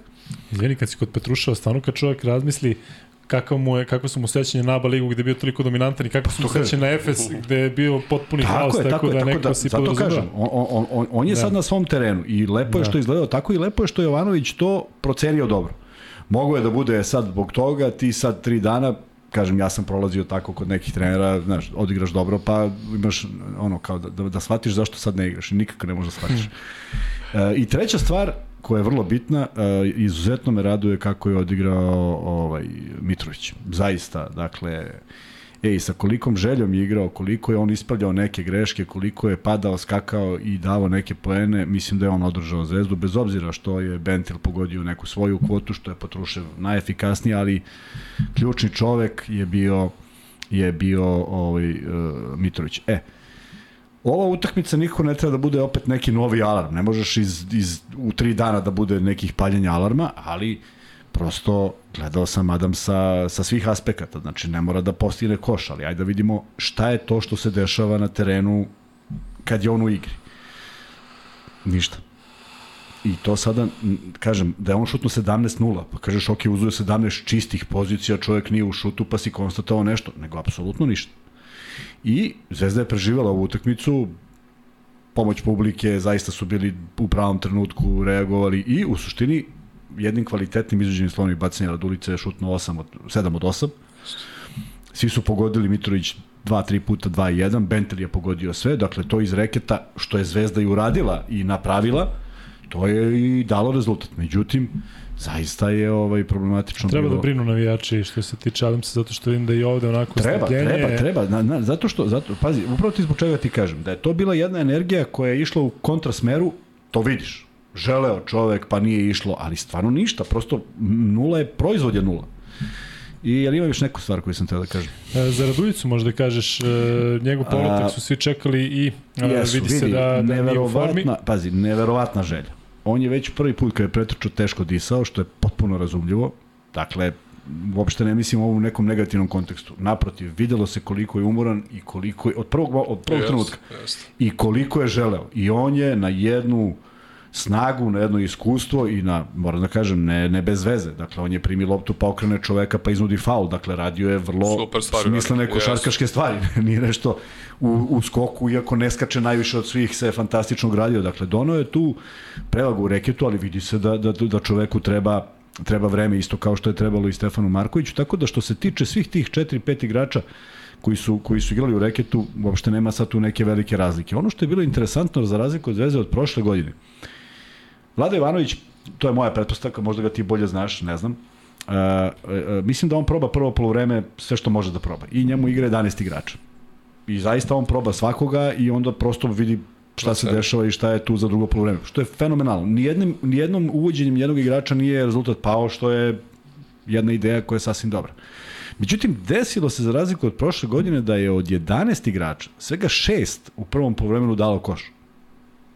Što je u Zvezdi bio slučaj nikada. Uvijek je 11 pa 11-10, pa Dakle, stvarno u jednom trenutku računam da Topić nije neko dečko ko će sad baš da, da uzme i da on uzme šut kao obiđe igrača, prosto normalno je, ali ovo sve ostalo a, moraju da rasterete, ne može da se računa sa procentima šuta Bentila za 3 ili Petruševa za 3, Holand koji je uzeo jako dobre čiste šuteve, sve je to bilo legitimno, ali mora, mora još neko, ono što smo pričali za Efes, mora još neko da se ponudi da, da, da, da, da ima sigurne pojene u rukama. Tako da, što se budućnosti tiče, sad idem na budućnost, Vlado Ivanović je tačno znao šta i kako da radi.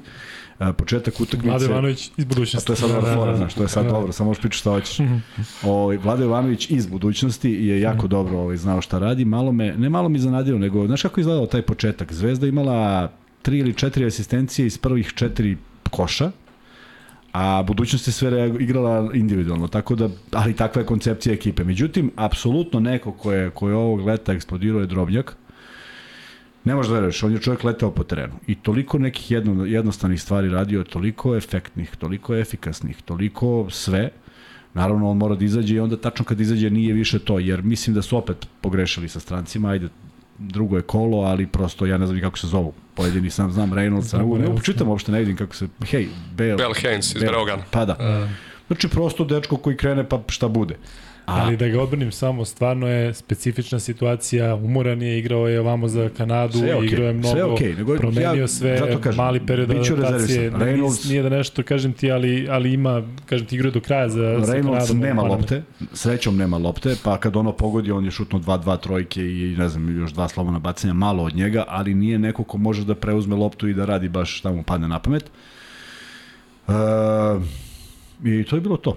Mislim, drobnjak, drobnjak, je, ne znam dakle crpi energiju, neverovatno, e, neverovatno je, neverovatno. Pomisliš da, da je posle onako prvenstvo ipak sad Ma treba kak, da dođe on sad želi da se dokaže, on šta, to, ti je, to, je, to, je ta, to je ta žica tih bekova crnogorskih iz budućnosti, naš Gašo Pavić. Ko, od koga je Gašo Pavić bio loši? Pa on je teo sa svima da se obračuna, razračuna i da bude bolji. Dakle, e, Deo je tamo igrao, znaš, velika, velika, veliki su to ego i bili, pa tako i ovaj mali hoće da pokaže svima da je bolji, pogotovo što mu je konkurent niko drugi do Nikola Ivanović, ko je najbolji crnogorski playmaker i ostalo.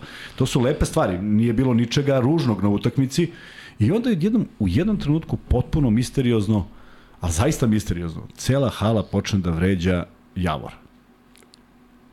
Kako ti je to misteriozno? Znaš zašto? Što čovjek ništa nije svirao. Da, ništa nije svirao, ali postoji... Ma, sve stoji. Njega ali, ne, ne, i prošle godine okay, protiv Cibone. Okay. Znaš koliko je falo da prekine utakmicu? Koliko? Pa ja ovoliko.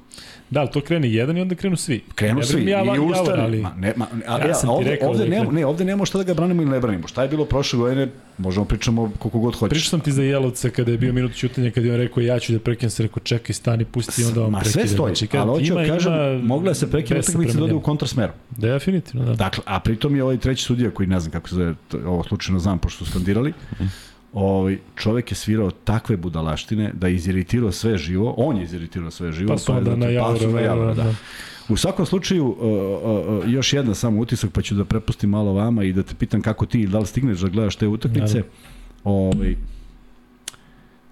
zaista mislim da, da ako već postoji, na primjer, ta, ta tema da li Raduljica može posle Partizana u Zvezdu i ustanu neki navijači nešto da kažu.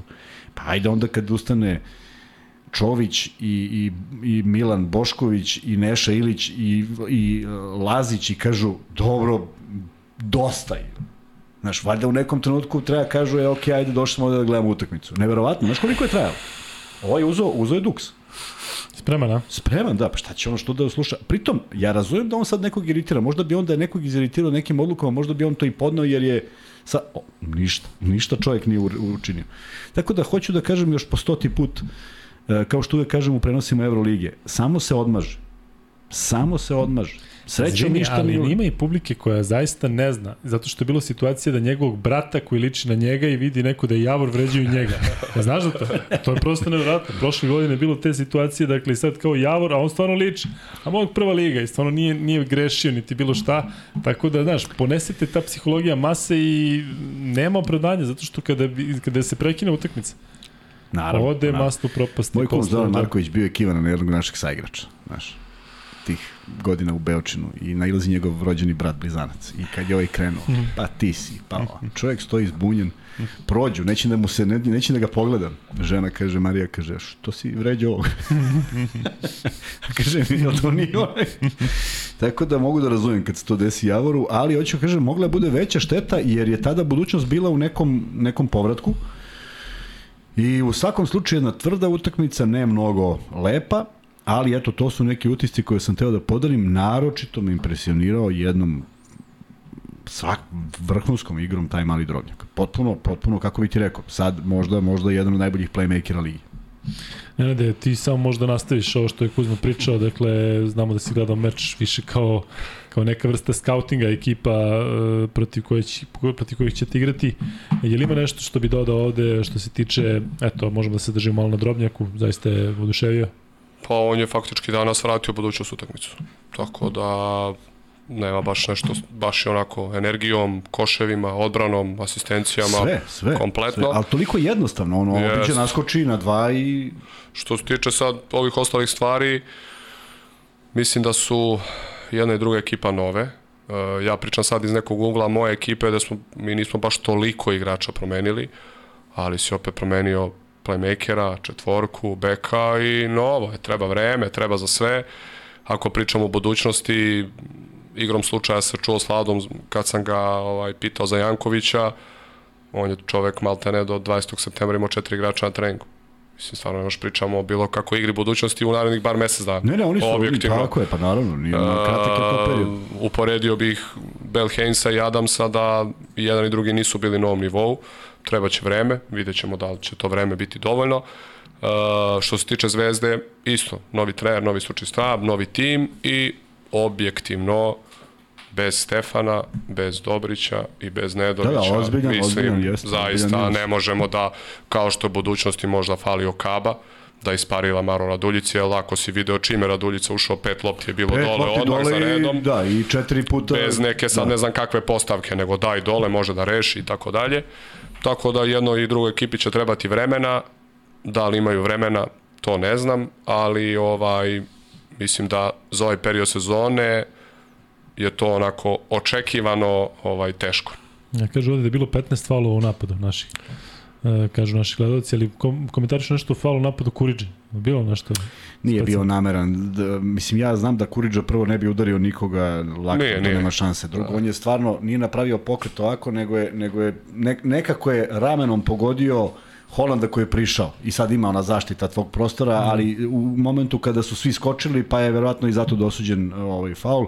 Ima jedan besmislen faul, to je bio možda i najlepši potez na utakmici, ja volim one jednostavne poteze, kad je Mitrović naslonio kamenjaša na leđa i znaš kako ga lepo okrenuo? I sudija svira faul u napadu. I nigde lakta, znači tačno vidiš kako prenosi loptu. Da, ali igrač kad postane onako u napred, to sudija po automatizmu pa bilo, nekako... Pa, pa zna, Da. Slažem se, ali bio je, na primjer, danas kontakt Petruševa i odbranbenog igrača koji se kretao. Ne može bude faul napadu ako se on još uvek kreće. Dakle, aj malo, malo nekako da, da, da, da dosude nešto što ima samo isti kriterijum. Jer onda su, i onda su, i sad sedimo, ne znam, dva čoveka iza mene koje znam od ranije i kažem, sad će odmah da sviraju kontrafaul. I istog sekunda čovjek svira faul od napada budućnosti. Dakle, samo on bez kompenzacije, ali mislim da nikakve veze sudije na ovoj utakmici nisu imale što se rezultata tiče. Bila je jako teška utakmica, ulog je bio veliki. Zvezda, Zvezda, Zvezda pre Panatenikosa mora da uđe u ovaj ritam. Budućnost je pokušala sve što je mogla, potpuno si u pravu. Oni su oni nisu imali vremena ni da treniraju svi. Ali, ali ja ne sumnjam. E, e, čak Vladu Jovanovića iz budućnosti znam malo, malo duže, jer smo radili zajedno u ovome u reprezentaciji i znam kako razmišlja, kako funkcioniše, tako okay. da to će sigurno biti bolja, bolja ekipa kako vreme bude odmicalo. Ali eto, desilo se da je taj derbi sada i da, i da je to prva, prva velika utakmica, da kažem, onih e, ona, one tri, četiri velike ekipe koje su uvek u CDV-u, koje su konkurenti kako god počne koja liga, oni su nekako glavni konkurenti. Piše ovde Nenad iz Kragujevca, kaže minut 57, podcast 83, Beočin je spomenut 82. put, živi je BFC, nije umro dok je Kuzmi nastavio. Koji majstor. Ali i dalje ne znam, nek nas podsjeti da je bio taj jedan kada ga nisi pomenuo. Jedan, jedan da li moguće ne znam? Ne znam da vratimo, da ispravljamo, znaš, da, da ubacimo. Ubacit ćemo je, ubacit ćemo da ga isečemo i samo ja u stanu, u mraku. Dakle, vidite, da. Sa Jenkins? Sa Jenkins, pa da, eto, viš, Ivan je... Vraćamo Jenkins ovde, da, da, da, mu kaže da se obuče, isto i ubacimo. Tako je. E, e Jenkins, znaš ti kad se igra u Beoč? e, Beo, znaš ti ko je tamo sve igrao? I kreneš jedan. A Njaro Milatović igra za, za Lovće, na primjer. I on kaže Njaro. E, Nenade, mm, Ajde da pređemo na utakmicu između Partizana i MZT-a, a Vanja ti samo među vremenu stavi pol, da li treba imati strpljenja za Adamsa? I tamo stavi da ili ne. Zato što vidim kakav je odnos, odnos publike prema ne vidim, tome. Ne vidim, da, već nekoliko. E, da. E, Treba biti oprezan. Da, Nenade, e, što se tiče ovog meča u Skoplju, e, ajde prvo samo malo o toj ekipi MZT-a, njih niko ne vidi kao nekog ozbiljnog e, protivnika, međutim oni imaju pristojan tim, imaju, nemaju neki imperativ bilo čega, e, protiv Partizana, onako otpor e, na momente, a opet Partizan je sa druge strane rutinski i očekivano dobio utakmicu. Bilo tu nešto što se tiče utakmice, što je tebe kao trenera, koji to gledaš i ekipe koje, koje pratiš, da ti je nešto onako, da ti iznenadilo? definitivno je tih prvih pet minuta odredila dalje tok utakmice. Mislim da MZT i proti Zvezde i Partizana u dobrim vremenskim intervalima se jako dobro predstavio. Uh, tim je iskusan, sa ovim domaćim igračima sasvim korektnim, sa strancima sasvim korektnim. Mislim iskreno da nikome neće biti lako protiv njih, naročito u Skoplju. imali su tu nesreću faktički da prva dva kola nalete na, tako, mislim, da. ove dve, kao što mislim da Cibona sa bilo kim drugim da igrala prvo kolo da bi verovatno pobedila od ovog petog mesta na dole, i su igrali super, ali prosto naišao je Partizan. Uh, šta možete iznajati? Možete iznajati uvek kakvu petorku možda napravi Partizan, kako to može da izgleda, i small ball, i veliki, i sa četiri ball handlera i tako dalje. Ovaj, tako da onako, očekivano, ipak su atletski, fizički nadmoćni u odnosu na njih i mislim da su relativno lako to pobedili, ali ja mislim da MZT, ne znam im sad iskreno raspored nastavak dalji, ali kažem, verujem da će ostati u ligi. Iskreno, to onako kad se sklopi, da treba će njima vratno malo vremena, da će biti ok, a Partizan dobro, očekivano posle poraza od Albe i da kažemo malo više primjenih pojena nego što treba, jedna dobra defanzivna reakcija danas, bili su onako baš čvrsti na pola terena u kontaktu, Lesor je nekoliko lopti na centru maltene ovaj, izbio, Tako da mislim da je to ono što, što Željko želi i što je danas teo da vidi. Ali u toj drugoj četvrtini je primljeno puno pojena. Partizan, ja mislim, primio 23 pojena. Dobro, primio je samo 9 u prvoj četvrtini, pa to Jest. nije uticalo na rezultat. Ali mislim da navijači Partizana brinu da ekipe, Alba je Evroligaš naravno, ali Stotka, mnogo. mnogo da. MZT je sada druga četvrtina, 23 pojena ti ubaci u prvoj 9. Mislim da nije do toga da se sad MZT ne znam koliko razigrao, već jednostavno je bilo neki propust u odbrani u drugoj jedanici znate kako, on uvek treba gledati, ja kažem, prvo po nekom uh, intenzitetu i ritmu igre, po broju poseda i tako dalje, da sad ulazimo nešto dublje. Uh, za defanzivni kontinuitet treba objektivno vreme. Znači ti uvek napadački možeš da dođeš do neke igre, pogotovo ako imaš dobre individualce, jedna minijatura, dve, tamo vamo, ali defanzivno treba vremena ekipi da, da napravi kontinuitet, naročito ako uzmemo obzir uh, protivnike s kojima oni igraju, znači sigurno je za Albu bila jedna priprema, pa sad ide druga priprema, pa sad na treći način naredna utakmica, tako da treba će vremena za to. Mislim, to je nešto za što zaista se najviše vremena potroši, to je odbrana. Da, Strahinja Mićević je bio najefikasniji na meču, da to kažemo Strahinja. U našem timu. Da tako, tako da ovaj, e, pišite nam malo oko te fantasy ligi, kako stoji. Ne, nećemo večeras, ali ćemo u četvrtak da pričamo o tome. Da, to pošto pričamo, ja, mogu ovde da pišu. Tako da. Ne, ne, ja pre nego što sam krenuo, nije već bilo, nije još bilo završeno kolo. Nisu bili, još bili izbačeni, izbačeni rezultati, pa kad budu, biće, bićemo, bavit ćemo se i time. Znaš sam teo da te pitam, e, kakav je odnos tebe i kolega eto iz ABA lige ili iz ili uopšte iz iz grada ili znaš kako kako funkcionišete u smislu razmene nekih informacija, da li se uopšte da li komunicirate kao nekada što je bilo, da li možda razmenite neko iskustvo, kako to izgleda? Nikad nismo imali prilike nekoga da pitamo. Ne.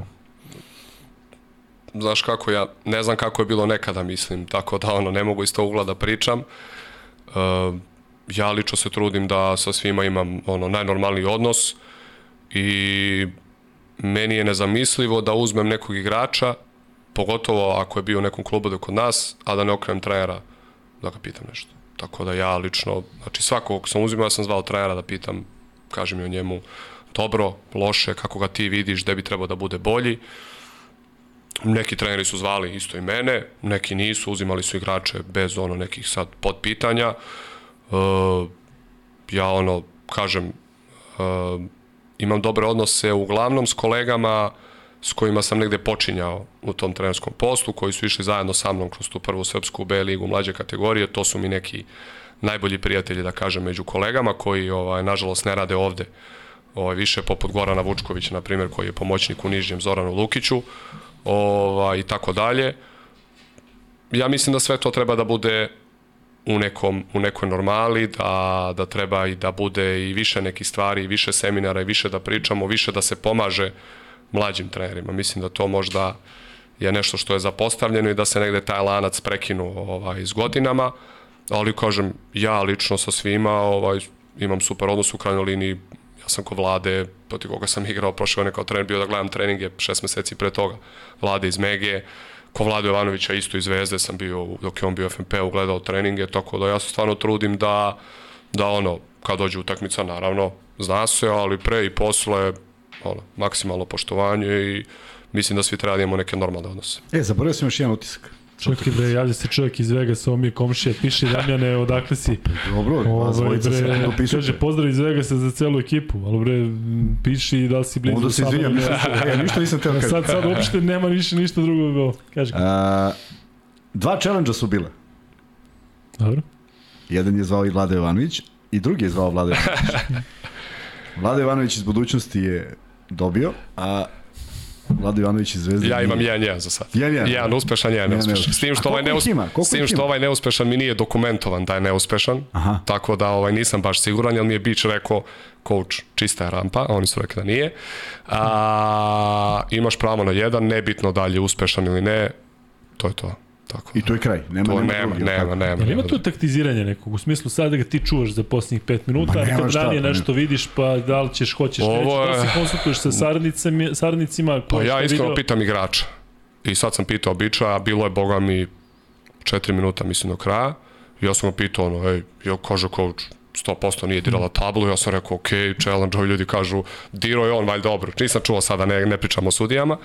A ovaj, protiv Mege sam uzao nekoj ranoj fazi utakmice, smo odigrali neku dobru odbranu i Zundo je onako tu bio, Branković izbio loptu, Buka pokazuje ka meni, kaže, nisam, challenge, naša lopta iz auta, trojka, dosta. Eto je. Okej. E, Ti pa se je, dopada to pravilo, generalno? Pa, dopada mi se, ali volio bi ako budeš uspešan da zadržiš pravo. Mislim da, nema je to smisla, fair. jasno. Da, Ali mislim da je onda fair. Nema, ali nema kraja, onda dokle, dokle bi onda? Onda Da li- može- Dobro, 20, 30. ali mislim ne možeš 20-30, ali okej, ako E, si zamisli, pravo. znaš da je tvoja lopta Da, i da. tražiš challenge. Da, da. E, ali slušaj šta se desilo. Uh, zaista preokret na utakmici. Pazi, koliko god glupo zvuči, to je negde treća četvrtina, ja mislim. I Zvezda ide u kontru i pas u zemlju Ivanovića, ja sad ne vidim, ustali su mi tu Nedović i Dobrić kao oni nešto morali da gledaju. I ne vidim, i samo znam da je Lazić pokušao da je dohvati, a ovaj je izbio. Jeste. I Vlado Jovanović je reagovao na challenge iz budućnosti, zato što je bio tu. Da, da, video je I da... onda je video da ako sad Zvezda izvede može da ode na 7 ili 6 razlike ako daju koš i onda je on ko veli pa ajde da probam i tražio je challenge i stvarno je dobio loptu. Pa ono, teško za taktiziranje, baš da sad ne se suzdržiš to kako 39,5 minuta, da, da, da, ali okej. čekaš pola, a ne- ono, ono završi sa 15 razlike. Jest. Stefan Terzić kaže, trenu dođite na trening juniora. Ima Stefan Terzić. Stefan Terzić, uh, Možda tebi kaže. Možda ti možda ne. tebe kaže. Možda tebi kaže. Ne možeš da sad, sad ko zna. Možda svima kaže. Trudim se da sve pratim Da. stvarno, tako da... E, ne znam, kakav je e, odnos prema Željku Bradoviću ovih mlađih trenera u koje ti spadaš, e, ipak je reč o jednom takvom treneru koji je najtrofejniji u Evropi. Kakav odnos imate vi prema njemu? U smislu, da li nekada zaista može da iznenadi potpuno nečim što možda niko drugi ne bi prepoznao? Uh, sama činjenica, mislim, ono, da je čovjek bio devet puta prvak Evrope, stvarno posle toga ne treba ništa više dalje da se priča.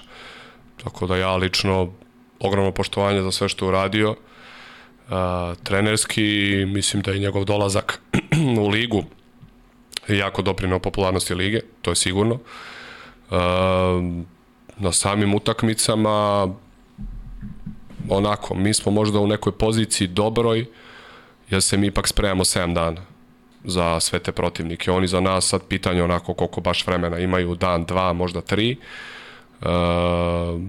sigurno je da negde može možda da te razotkrije, ali s obzirom da smo mi već prvo kolo igrali protiv budućnosti koje je vodio Džile, ona se već onako dosta razotkrio, tako da je sve to posle toga onda i ti se spremiš za nešto što će potencijalno biti. Ono što je dobro za nas, kad igramo s takvim ekipama, sigurno da je neka naša motivacija, energija i želja na malo ipak višem nivou, jer smo negde outsideri. Ovaj, tako da znači mi što je on pomenuo, ne znam, i na prvoj i na nekoj drugoj konferenciji, da, da poštuje to što, što ja radim, da tako kažem i to je meni neki To stimulans. da te pitam, da, da. to mi je neki stimulans sigurno, mislim, kada on to kaže, sigurno je da to, da to misli, tako da ovaj, ono, svaka utakmica protiv njega je za mene novo iskustvo, jako dragoceno. E, Vanja, možda da zatvoriš ovaj pol? Da vidimo što je kažu ljudi o Adamsu. Ću ja da, da kažem jedan interesantan podatak umeđu vremenu. Hoćeš ti da glasaš za Adamsa? Da li, Neću. da li Pa ti znaš imate kako bi glasao. Treba imati strpljenja prema Adamsu. Kaže 68% ljudi na preko nam je 200. pisao. Svaka Tako čast. Kuzma i ovih 30%. Kaže. Ja, pa ja sam sad, ja ste videli dok ste vi pričali da sam ja Da, da. glasao i, i budžio taj broj. Ovaj, Ivan Pejić piše da nam je ovo treći gost iz Užica. Eto. Aj sad, seti se dvojice. Iz Užica. Miško. Tako? I? I, i, i, i, i, i Jenkins. e, ček, čekaj.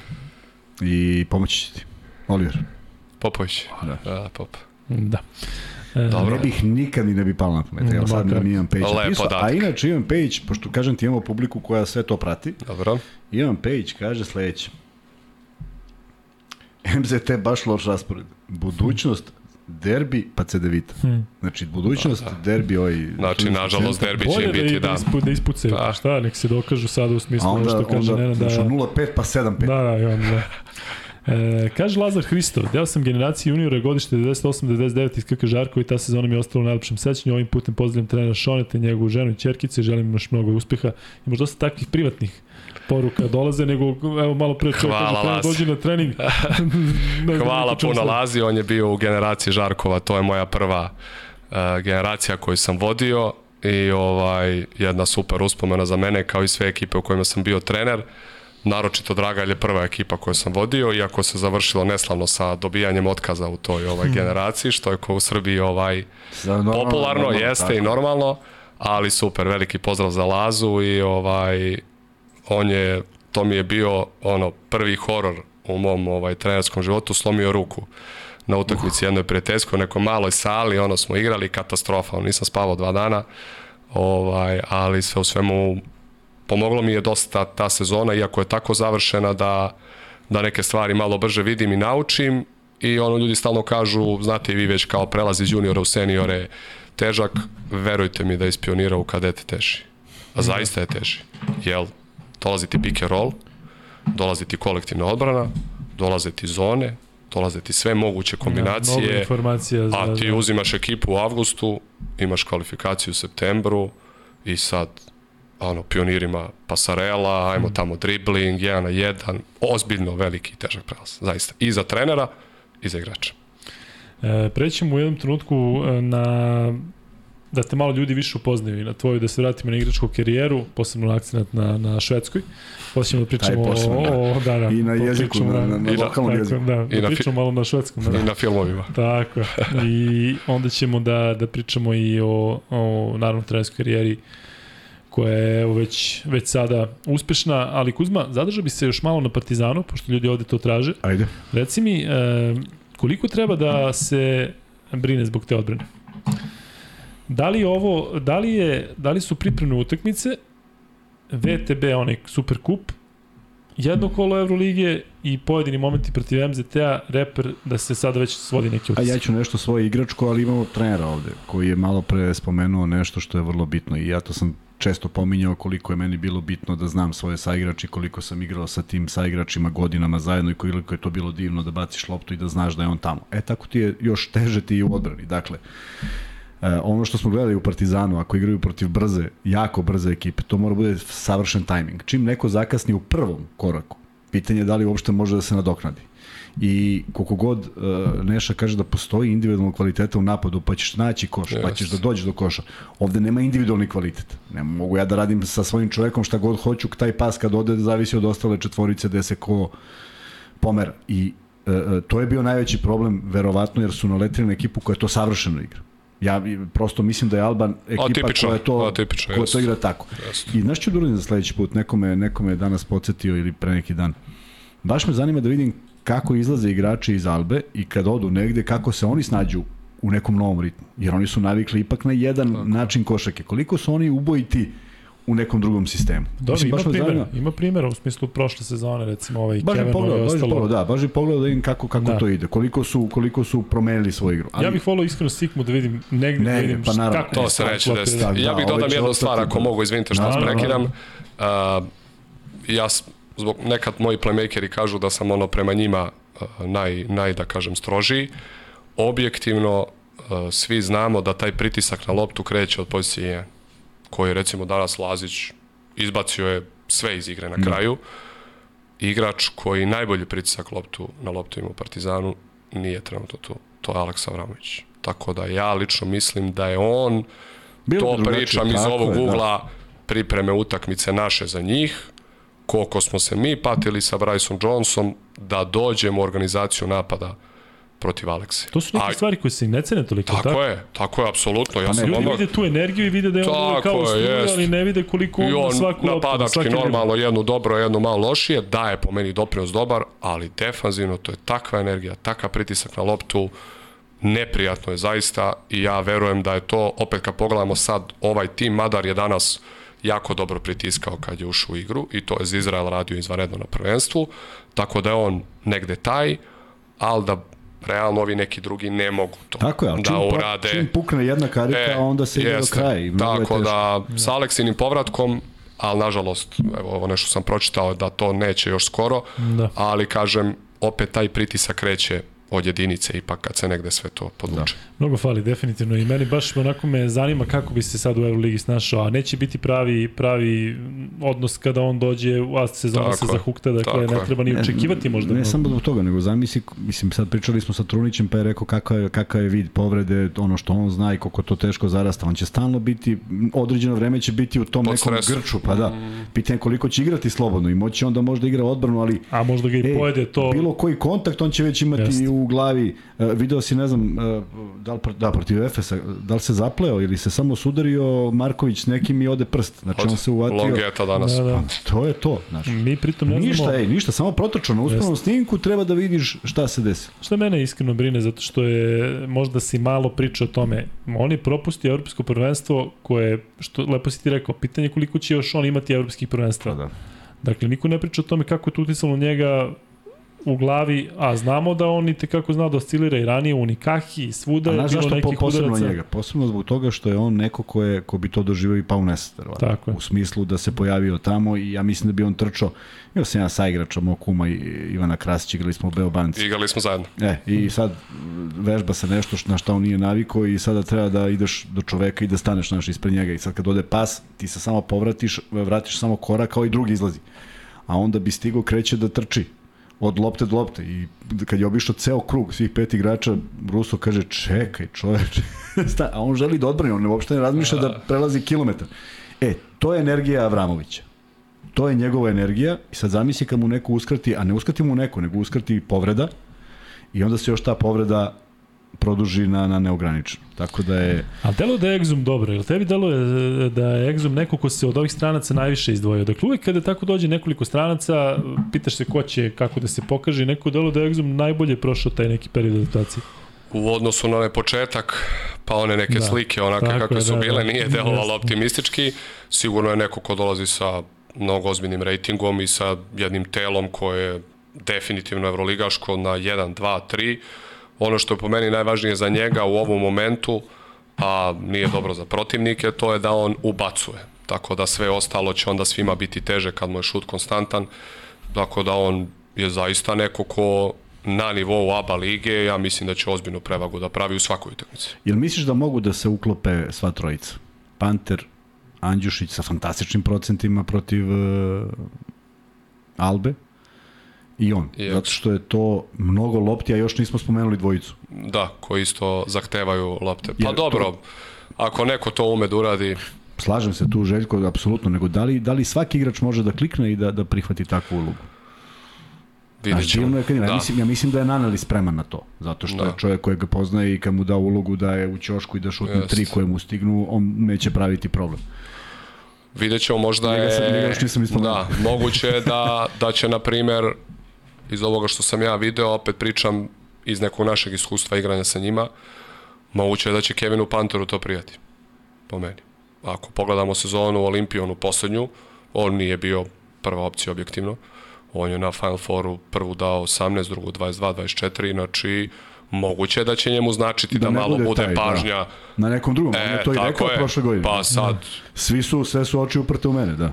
Da ne ulazimo mnogo u detalje, ali s prošle godine je moglo s nekog da se pomogne. Da. Sada Da, da, sad Teško. ne vidi se Da. koga.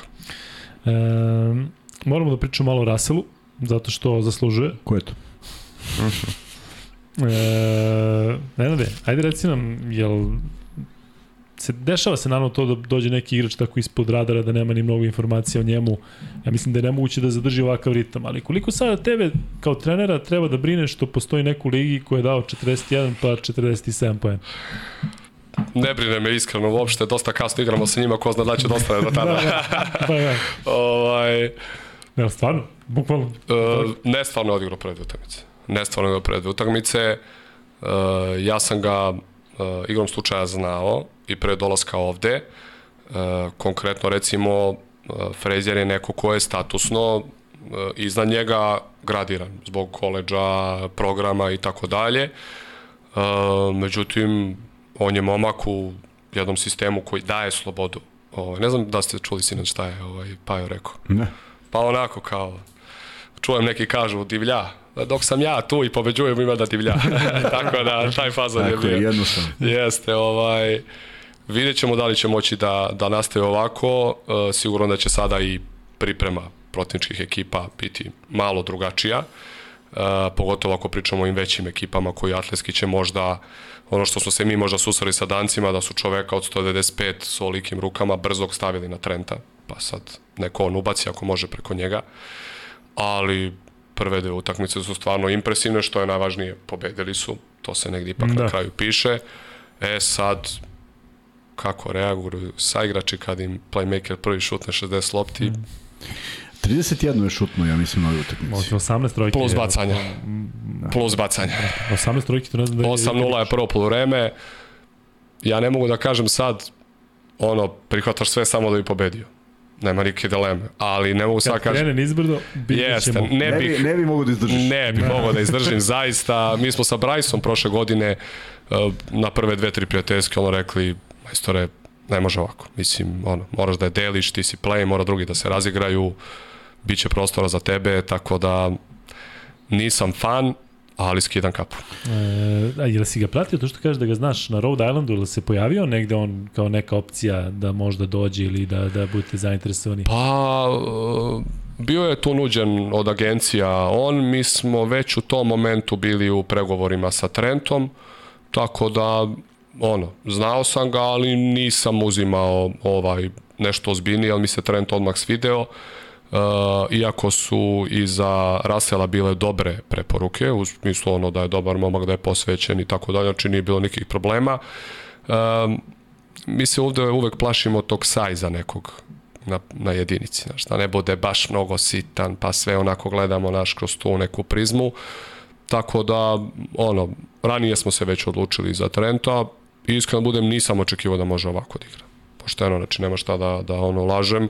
Mislim da je moj bar dobar izbor.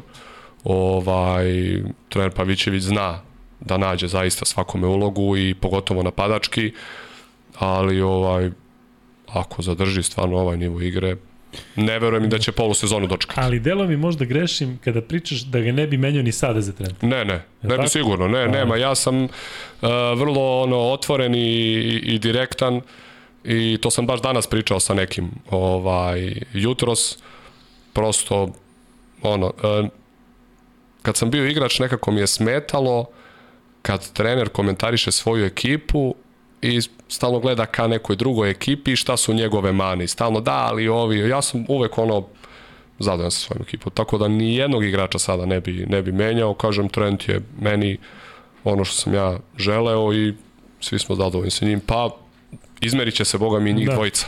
Verujem da Trent ima dosta motiva već sada. Da, biće, biće, to je kod njih posebno Tako izraženo. je. Ali vidi, sad čekamo da podbaci pa da da samo 20. Da, da. Znaš, kao, pa, Iz 60 šuta. podbacio, da. znaš, kao nije, nije dovoljno dao. Da. E, On je Marko, borio sve neke rekorde, jel tako? On je Jeste, zajedno dao sigurno. neke poene, Gurović iza njega i ne znam ko još Sve tako je pisalo. E, Marko Jeremić koji je organizovao u Fantasy, Fantasy ligu kaže pozdrav Luka, može jedna molba. Možete li da u opisu pored ABE, L i E kupa stavite i NBA Fantasy, ima aplikacija Dunkest i kod za ulazak za ljude koji nemaju Instagram. Imamo još fore, ali da bude tu. Vanja, može? Ja, niš, ja ne znam šta si rekao. Marko, pošalji, pošalji, da misliš da znam, ja šta sam pročitao. Ti samo pročita. Da. E, Vanja, ne Vanja, nego Marko, molim te pošalji Kuzmi na Instagram sve što treba da stavimo, bukvalno da prekopiramo i da stavimo. Tako da e, samo lagano i to je to. Vidim da pitate mnogi ovde za Palkanestro, moram priznati da, da se nisam raspitao, vidit ćemo polako.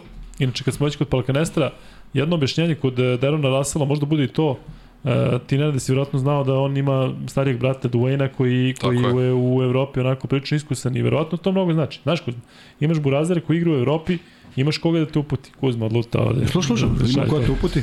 Ali Dwayne Russell je njegov brat koji igrao, mislim da je igrao, prošle godine sam ga prenosio u Trevizu. E, imaš da starijeg brata neke... nekoliko godina, jednostavno dolaziš Bukvalno Imaš neke informacije. Da, da mislim, nije Znači, bar, znači, sigurno da, znači, sigurno znači. Ti kaže gde, koja je tačka, pa pazi ovo, meni, znaš, ovo što sam ja prošao, nemoj ti.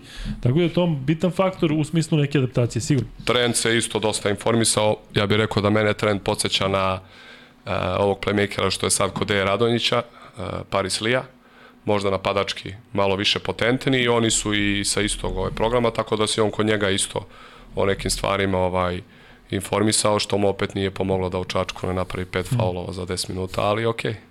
Ajde malo da ostanemo kod e, Dena Radonjića i kod Prantrikusa. Kuzma, e, tih 20 poena za polovreme protiv Arisa moraju da zabrinu, poraz, moraju da zabrinu. Jel to može da se desi da desilo se polovreme, pa svi smo ovo, to može pa, da se desi. Ajde, da. desilo se, stvarno je to bilo kriminalno, pa je drugo ipak bilo bolje. Tako, došli su do 40 i nešto poena. Ali ne valja. Ne valja zato što je to sad već neverovatno, ali već treći poraz i tamo se to tek gleda. Pričali smo o motivima zašto će neko da se vrati na utakmicu i sad dolazi na utakmicu Zvezdi bez Voltersa Williams. i Williams. Williams, Williams se povredio. Da. I kaže da je Volters nešto nije sasvim Volters nije, da, već to duže. E, pa to.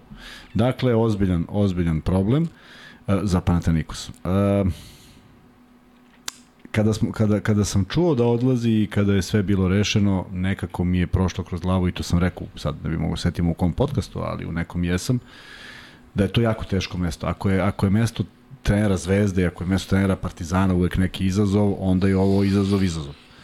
Zato što se sve gleda i zato što je takav odnos snaga. Da je on upao u tim koji dominira unazad pet godina, mislim da bi se sve mnogo drugačije gledalo, ali ovako on mora nešto da uradi da bi vratio ali na... Ali nije to lakše, Kuzma, izvini, imaš tim koji je prošle prethodne godine bio slab i sada je opet slabiji početak sezone. Nije lakše, nije lakše zato što nije, ono, nije onaj fazon kao ajde ne budemo 15. nego da budemo 8. Ne, nego nećemo da budemo 15, nećemo da budemo treći.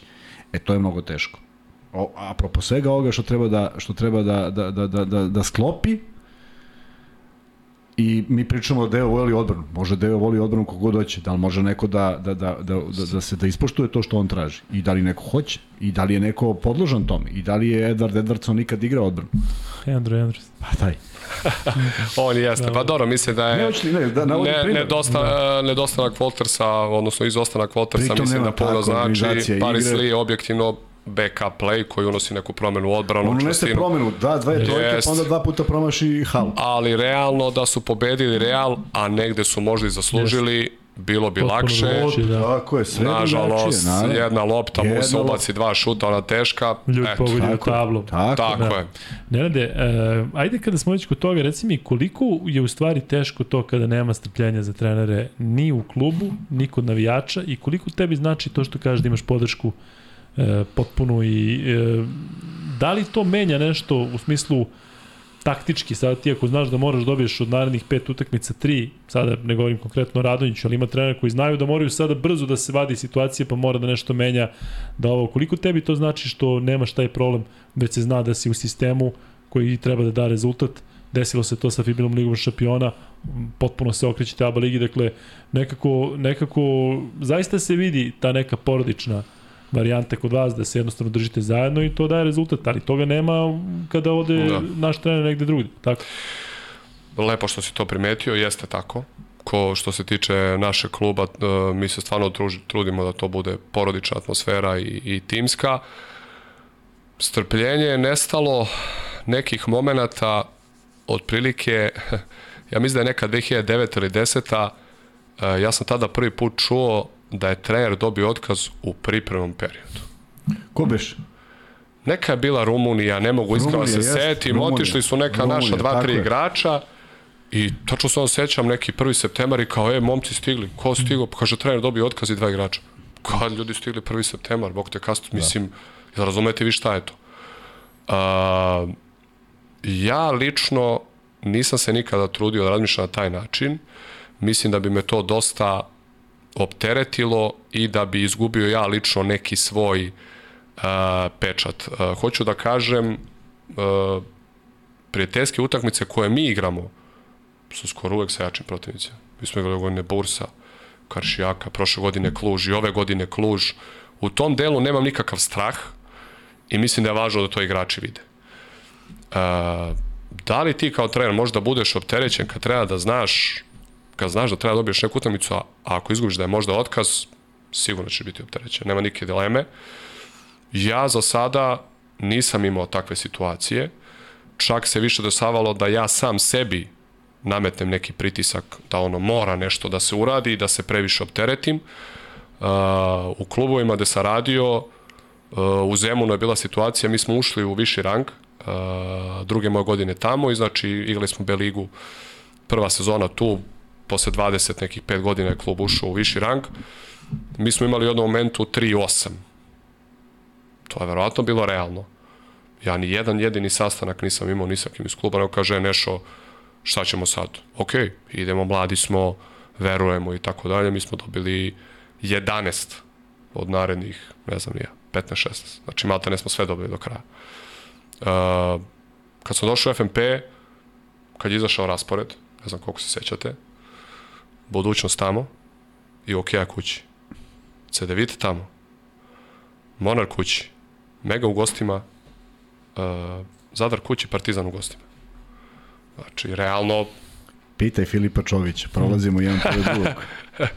I on mi kaže raspored. I ja kažem, molim te, 5-1 i... Ej, svaka ja čast. Se... Ako si to rekao, svaka čast. Pitaj ga.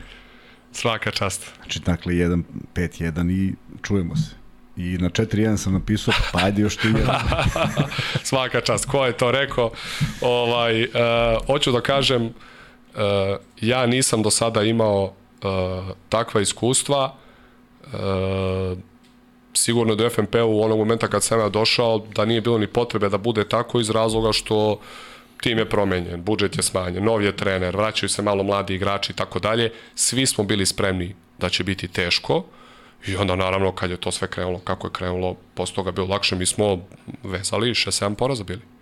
Znači mi smo imali uh, tri na početku drugog dela, pa smo imali kup, ok, kao jednu si dobio, si izgubio, to ni ne računam, i onda smo vezali još dve i onda smo igrali maltene s Sibonom utakmicu da ako nas oni dobiju, Jeste, je, da. mogu da nas stignu Tako na jednu pobedu. I, ali zaista, nijednog momenta nisam ostio ništa, sigurno da je teško kad odeš kao trener preko i ovo što je upravo Kuzma rekao za Deju, da mu neće biti tamo lako. Neće, ali nažalost negde nam je i takav posao. Mislim, opet kažem, ja sam u prvoj godini kao trener kadeta sa godinu dana mlađom generacijom ušao na finalni turnir Lige Beograda, dogovorio se s klubom za sledeću sezonu. I na finalnom turniru smo bili četvrti. I poništen, poništen dogovor i posle dve nedelje, znači... S kim si se ti dogovarao?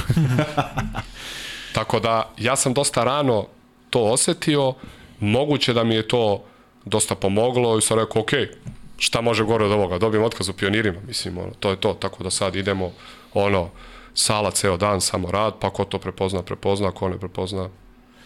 E, imam jedno pitanje za tebe, muva mi se po glavi od, od danas kad smo, kad smo ovaj, pre kad sam gledao utakmicu. Znaš zašto? Zato što sam bio kod kuće, inače ja imam dobru komunikaciju sa Nešom Andrićem. On je trener mlađih selekcija Beovuka i znamo se, on je, on je generacija se. posle mene u OKK Beogradu i znamo se 100 godina. I pošalje, i on volimo da šaljemo jedan drugom tako neke bizarnosti na, na košarkaškim utakmicama. I pošto ja nisam stigao da gledam sve utakmice, danas sam vratio da pogledam Virtus i Monako. E, Sad zašto sve ovo pričam? Nije uticalo na rezultat te utakmice, ali imaš moment da na 14 sekundi do kraja treće četvrtine Virtus šutira dva slova bacanje, oni lagano skaču, svi igrači su na istoj polovini i ni jedan igrač ne pravi faul, iako imaju još dva da daju, nego čovjek naskače na trojku i samo ticajem okolnosti promašuje. Ne naskače na pola terena, nego naskače baš na trojku, svi kao nešto ga uredno prate. Ako se to dešava na tom nivou, kako ti reaguješ kad nekom igraču kažeš da nešto uradi, a on, a on ne uradi? Pazi, sad pitam samo zato što ti onda nemaš pravo da, da budeš ljut. Ako je on juče gledao ovo, kako reaguješ? Pa ja sam imao jedan veliki sudar sa tim stvarima dolaskom u FNP. E, znači ja sam radio na jednom jako niskom, nižem nivou košarke od ovoga i imao sam poprilično veliku zahtevnost od mojih igrača. Znači, mi smo u Zemunu pripremali utakmicu isto kao u FNP-u. Kretnje protivnika, video analiza, scouting, igrači, papiri i tako dalje. Insistirao sam da moraju da znaju da prate rezultate i tako dalje. Negde pripremajući i neki deo tih momaka koji može da igra na većem nivou, kojih ima sada u KLS-u i u ABA 2.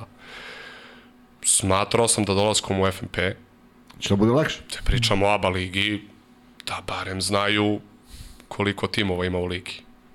Verujte mi, trajalo je propitivanje par minuta.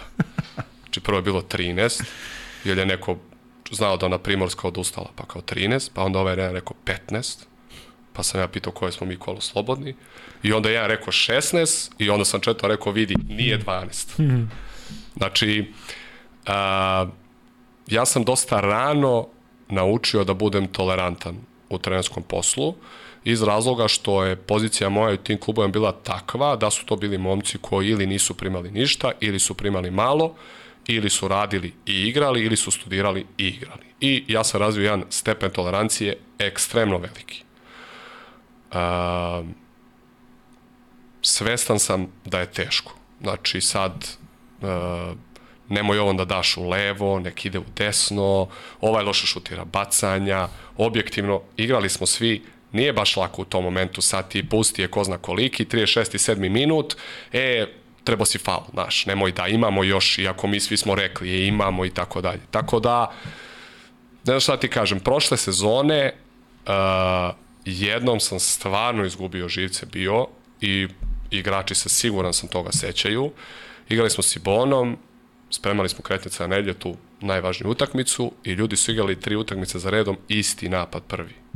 I mi smo rekli ovo će biti prvi napad, ovde idi ispod, ovde uđi dinaj, ako tu zakasniš ovde na uručenju ispod i samo nemoj low pass. Pogađajte šta je bilo. Pa naravno, iz prve. Low pass za kucavanje. Prvi napad. I si traži tema od toga. Pa nisam, ali svačionica je stradala poprilično, po što je zaista za mene redko. Mislim, ja se baš trudim da budem ovaj, miran. Tako da, mislim da je to isto jedan deo gde moraš da radiš sa igračima. Moraš da radiš sa igračima i evo recimo sad, moja ekipa, isti ti neki momci, to je već sad ono, Ne brinite treneru. Pa nemam pojma, ne znam pa da sad ovaj nisam javio. E. Znamo sve, pratimo, videli smo koga gde potpisao, nemoj da brinete i tako dalje. Slušaj komentar apropo ovoga oko slačionice. Trener Stefanović je prvi košarkaški trener koga sam video da svaku utakmicu vodi smireno, bez nervoze, koja je spuštena igrača. Želim mu sve najbolje. Znači, ipak ima momenta znači, kada, ima, kada se pukne. Ali redki. Ne, redkih, baš da. redkih, to eto, to tad se, kad se ja sećam, ovaj, tako da je to redko. Ali kažem, nije im lako, e, pogotovo danas. Objektivno smo svedoci da im puno stvari oblači pažnju, tako da Jest. treba biti realan.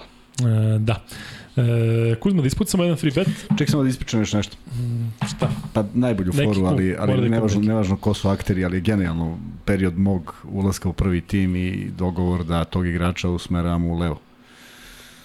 I uporno mu je otvorena strana gde trener urla i viče pa čoveče u levo, on kaže pa čije, kaže ima, ima i to. Da, da. Čije, moj ili njegov? Odlično. Reći mi posle koja. Aha. E... Čeo koju privilegiju imaš, ti saznaješ sve te stvari. Sve. E...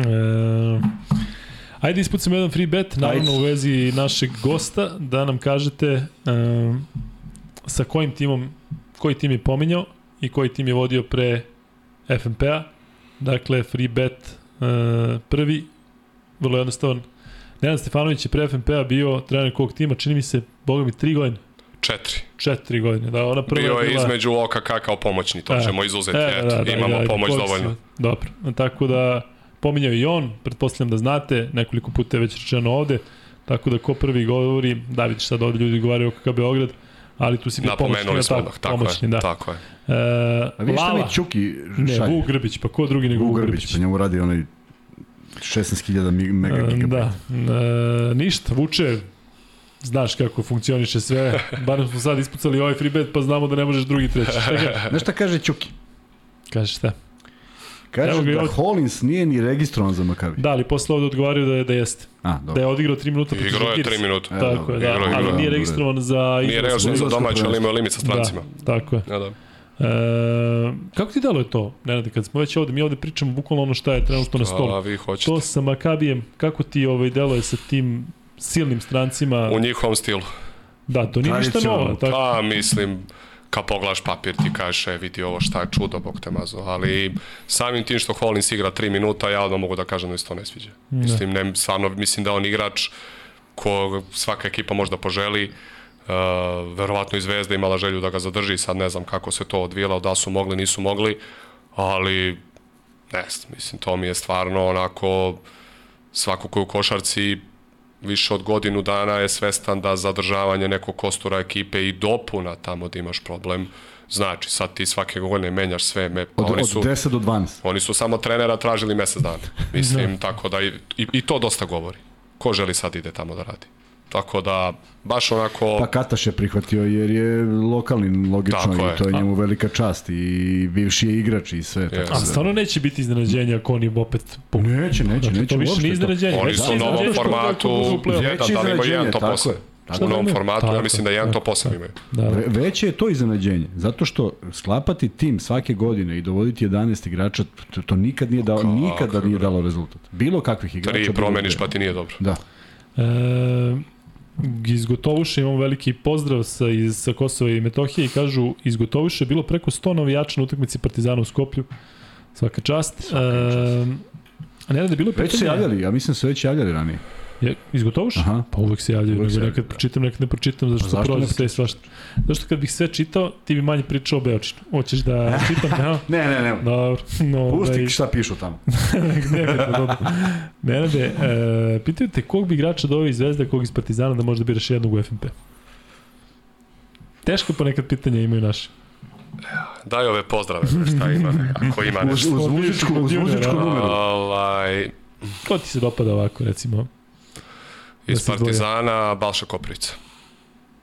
Mi se dopada zato što je aj, prvo protiv nas odigrao ovaj super, drugo zato što ono domaći igrač i treće zašto mislim da je neko ko može da da napravi dobru karijeru. Sigurno. Iz Zvezde sad ovako na prvu Stefan Marković.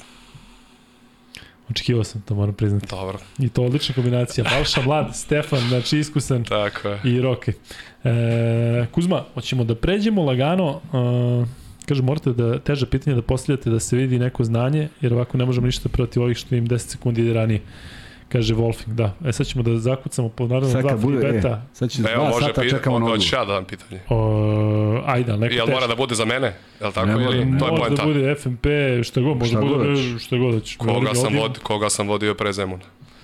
Koga je Nenad Stefanović vodio pre Aj, Zemuna? sad, Free bet, neko znanje. e, drugi, ali toga ima na Wikipediji. Ako neko ušao na Wikipediju, mogu da je, mislim, video odmah. Pa ja nisam, da, Tu si bio prvi, prvi trenista. Tako. prvi trenista. Dakle, koga je Nenad Stefanović vodio pre Zemuna? I u kojoj ligi? Eto, ajde onda dodamo da bi dobro, bilo znanje. Dakle, Eto, povlaka.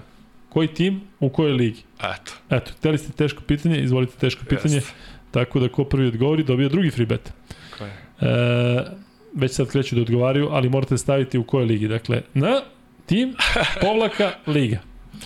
Dakle, vidimo da je, da je Žarkov odgovor, e, kakav Vitez, nije, OKK nije, ali kaže morate Jeste. da... Šta nije? Šta nije? Nije Vitez, ali Vitez. Vitez? Kakav Vitez. Pazi, ja mislim da onda Nenadu damo i bez, bez ovog e, dodatka, a? Šta kažeš? Da se slažeš? Ja se slažem. Nenade, pazi, ali Nenad je odgovorio prvo Žarko, pa onda Vitez. Znači, išao je ono linijom. Karikirao je, da, da. karikirao je, da. Ništa, Nenade, uh, dobit ćeš free bet, zaista uh, pritom Ali- znamo da si više nego aktivan ovde i da, da jako dobro radiš. Uh, Marko Rakić kaže Vitez i Srpska, je li tako? Jeste. Ja Prva. bi, Marku bi dao. Je li tako? Prva Srpska. Da, da. Kuzma, da podelimo mi ova dva free beta i jednom i drugom i da posle možemo mirno da pričamo Ma da, sad od Užica. Kome a? hoćeš podeli? Ništa. I Nenad i... I Marko obavezno. Da, Vanja nešto tamo preti, a? Kaže. E, Ne, neko se javlja, kaže- ja sam prvi, znaš. Nikola Beljkaš, da, kaže Žarko Beton Liga, nije Beton Liga, Ne, tako? greška. Da, Žarkovo regionalno, Žarkova prva B liga. Ne, ne, Žarkova kvalitetna kadeti. Ja. E, sad će da me razvale ovde kad krenu. Pa ja sam rekao prvi, pa ja sam rekao ja ovde. sam rekao, Ne, ne, rekao si Nenad i Marko i to je to. Nenad i Marko, pa se kad nije Marko, pa se moram staviti moj live chat. A, opet si promašio. Ma nije, nego zaboravim da, is, da ispravim to, a uglavnom bude isto. Dakle, uh, KK Vitez je rekao Nenad, je li tako? Jeste. I posle je ovde rekao Vitez i Srpska Marko Rakić. Tako je. Marko Rakić i Nenad KG šaljete Kuzmi, odnosno na Instagram Luka i Kuzma šaljete, ali tamo Kuzma je admin i amin, tamo je Kuzma sve. Tako da, da eto, E, još jednu stvar. O, uf, danas, je, ne, ne, danas je opet nastao problem, ne mogu da verujem, 83 podcasta imamo. Dakle, ko pogodi, mora da pošalje ime i prezime. Ne njegovo, nego naloga na koji već ako nema nalog, na koji ide uplata. Pošto uplata mora... mene, u kameru. Pošto uplata mora da I mene. Ne, pošto uplata ide na određeni nalog. Broj naloga i ime moraju da se podudaraju. Dakle, ako uzmete nečiji nalog, ne može da stigne do vas jer neće da prođe. Eto. E, to je stvarno, čuli ste Kuzmu, dakle, džaba, šaljete džabe, pogađate, je li tako? Tako je. Tako, da, tako da, Čiji god da koristite, onda koristite ime tog nekoga čiji je nalog. Dobro. E, Nenade, si spreman za pitanje, pa da onda krenemo mi da malo upoznamo tebe, zašto pitanje ima mnogo. Kako god. E, šta misli o playmakerskom tandemu Baskoni i Thompson Howard? Da li stiže da ispratiš? Pa, malo ovo što sam video, ono, delo je za sad okej. A, delo je da pratiš sve. Koliko stižeš, dakle, i utakmice, i vraćanje, i što treba i što ne treba. Ceo dan u tome, a? Jedan samo dan u trenerskoj karijeri, ovo kad je sezona. Znači, kad je sezona, se desilo da nisam pogledao nijednu utakmicu. Ozbiljno. To je bilo posle poraza od danaca. Od danaca, da. Eto, mislim da sam dovoljno rekao. Pratim, evo, bio sam u nedelju, gledao sam B ligu, ovaj, gledao sam Megu, gledao sam neke juniore. Mislim da je to neka i poenta ovaj, posla. Možda čak i najmanje iskreno na kraju pogledam uh, Euroligu. Ono, ispratim, dobro, sad ću imati dva kluba naša, što će biti super, ali ABA ligu obavezno, mislim, ono, tako da to moram da vidim. I posle toga je da budem iskren, prvo B liga, pak LS. Ipak ne zaboravljam odakle sam. Jel pokupiš nešto, nešto, nešto što ti sine, nešto ti prođe, čak i na Ima. tim terenima? Ima, Sigurno ima i ljudi ne. koji dobro rade. Samo Kako što ne. rade sa skromnim igračima. Jest, Pa to. kako ne, ima, ima stvarno velikih iskustava, gostovanja teških, snalaziti se u nemogućim uslovima, znaš kako ti, ti odeš u Pirot i sude ti je dvojica Nišlija i Leskovčani, pa ti pobedi majstor. Tako da, To je najlepše. tako. E, ne, ne, moram ja da te pitam, zato što ja isto imam sličan problem u smislu da non stop je posao u pitanju, ovo je za te posao. Ja ne radim ništa, inače da vam znači- kažem. Čekaj, što odmah moraš ti da... Ne, ne, pa samo da naglasim. Ovaj, sad ćeš da shvatiš kada čuješ pitanje. Ajde. Koliko imaš podršku uh, porodice i koliko tebi smeta što nisi posvećeniji deci? Zato što mene to ubija, zato što znam da radim i volim ovo što radim, ali evo recimo e, dešava se dva, tri dana za redom da ne mogu da ispratim neke treninge, da ne mogu da, da, da, da nešto ovaj, izvedem. A kad de, sin ima 11 godina, čerka ima dve i nedostajem ja njima, nedostaje oni meni, a opet nema, nema ljutnje to. Tako? Da. Iskreno, ja sam sav preostali period dana sa decom. Ovaj, tako da čak mislim da sam možda na nekom dnevnom nivou i više sa njima nego supruga, jer ono, ja ih ujutru vodim u školu, u vrtić, uh, posle toga ih isto kupim iz škole iz vrtića, uglavnom i domaći kad čerka ide prepodne uradim sa njom, uveči su mi trenzi u dobro vreme u smislu da sam već negde oko 8 kući, tako da se, a? ako bi pitali moju porodicu, oni bi rekli FNP do kraja života i ja i to da rešavam. ovaj, tako da s te strane uh, ono, ne, uh, nisam u toj poziciji kao ti, bilo bi mi teško da jesam, iskreno, uh, ili da sam negde van ovaj zemlje ili van Beograda, zašto je bilo nekih opcija pre dve godine. Uh, nisam trenutno spreman za to, Ali iskreno. opet putovanje i sve, ti odeš pa te Jeste, odem pa me nema dan, dva, tri, dešava se, slažem se, ali ovaj imamo neke svoje svoje rituale pomoću kojih Sjajno. sve to ovaj održavamo, tako da ovaj onda jedno vreme ono zašto pobeđivali, pa tata samo kad pobeđujemo jel ovaj naš jel idemo. Starija ćerka je baš onako ovaj veliki fan i pratilac i ovaj, mlađa onako tu i tamo. Tako da stižem u tom delu, možda malo s prijateljima ovaj, taj deo, pogotovo prošle godine, ovaj, nisam uspevao da ispoštujem. A, vrlo atipično za nekog iz košarke, meni su prijatelji svi van košarke, i srednje škole i tako dalje, uz ove neke, poput Miše i tako dalje, koji su ovaj iz košarke. Tako da ovaj stižem ono generalno sve uz neku dobru organizaciju, uspevam da, da postignem sve to. Prvo pitanje je bilo, pitao si za porodicu, a pre toga si rekao, uh, jel stižem da ispratim sve? Ili... Da, jel, e, kako stižeš? U smislu, jel, pa dobro, rekao si to otprilike šta je prioritet, šta je gde pa, ideš. Pa to je to, bi... jeste. Uglavnom da. pre podne dođem ranije u kancelariju i tu negde na tenane volim, imam super suči štab koji mi pripremi ovaj, sve to nešto što mene zanima i što oni znaju da mi je važno ranije, tako da ovaj, ono, imam vremena i uveče, tako da u redu može sve da se postigne. Ajmo sada, uh, Kuzma, pošto sutra počinje Eurocup, samo malo molimo Eurocupu. Dakle, Eurocup startuje bez uh, timova iz Srbije, ali da, što je budućnosti Cedevita. Da, da, bez, bez što se nije dešavalo baš toliko često.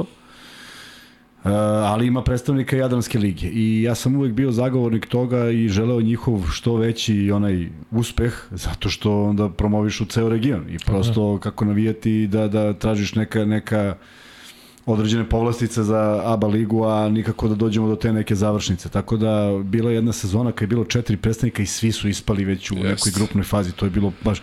I sad ti nastupiš kao mi smo, kak, da. u kom kontekstu. Tako da, ovaj, vrlo je bitno da oni nastupaju tu i treba ih pratiti i pratit ćemo ih.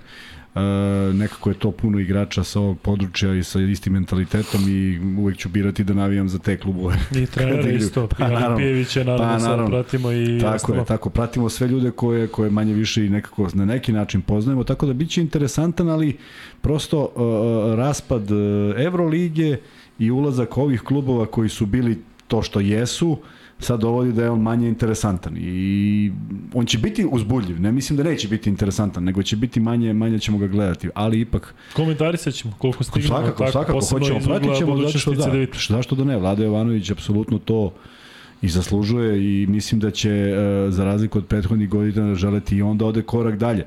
Ne zaboravi da je prošle godine Džile bio maltene sigurno na drugom mestu, pa se sve izjalovilo yes. u tri kola i sve ispalo naopako, tako da je a mislim da budućnost nema male ambicije prema tom kupu, bez obzira što ne slove za neke glavne favorite, ali, ali su sigurno nema, ekipa. Malo se tu iznalisalo da nema sad, dakle, nema sad Valencija, kao, Virtus, tako Partizan, Nema sad ti ta dva, pa kao gledaš u to, nego Jest. jednostavno sve je moguće, a za to je potrebna dobra forma, neka sreća malo i, i zdravlje igrača. Ne, ne, koliko ti onako, um, da kažem, možda pratiš Eurocup, ali da li postoji negde, uh, ne želja, nego jednostavno da možda vidiš FNP u takvom takmičenju?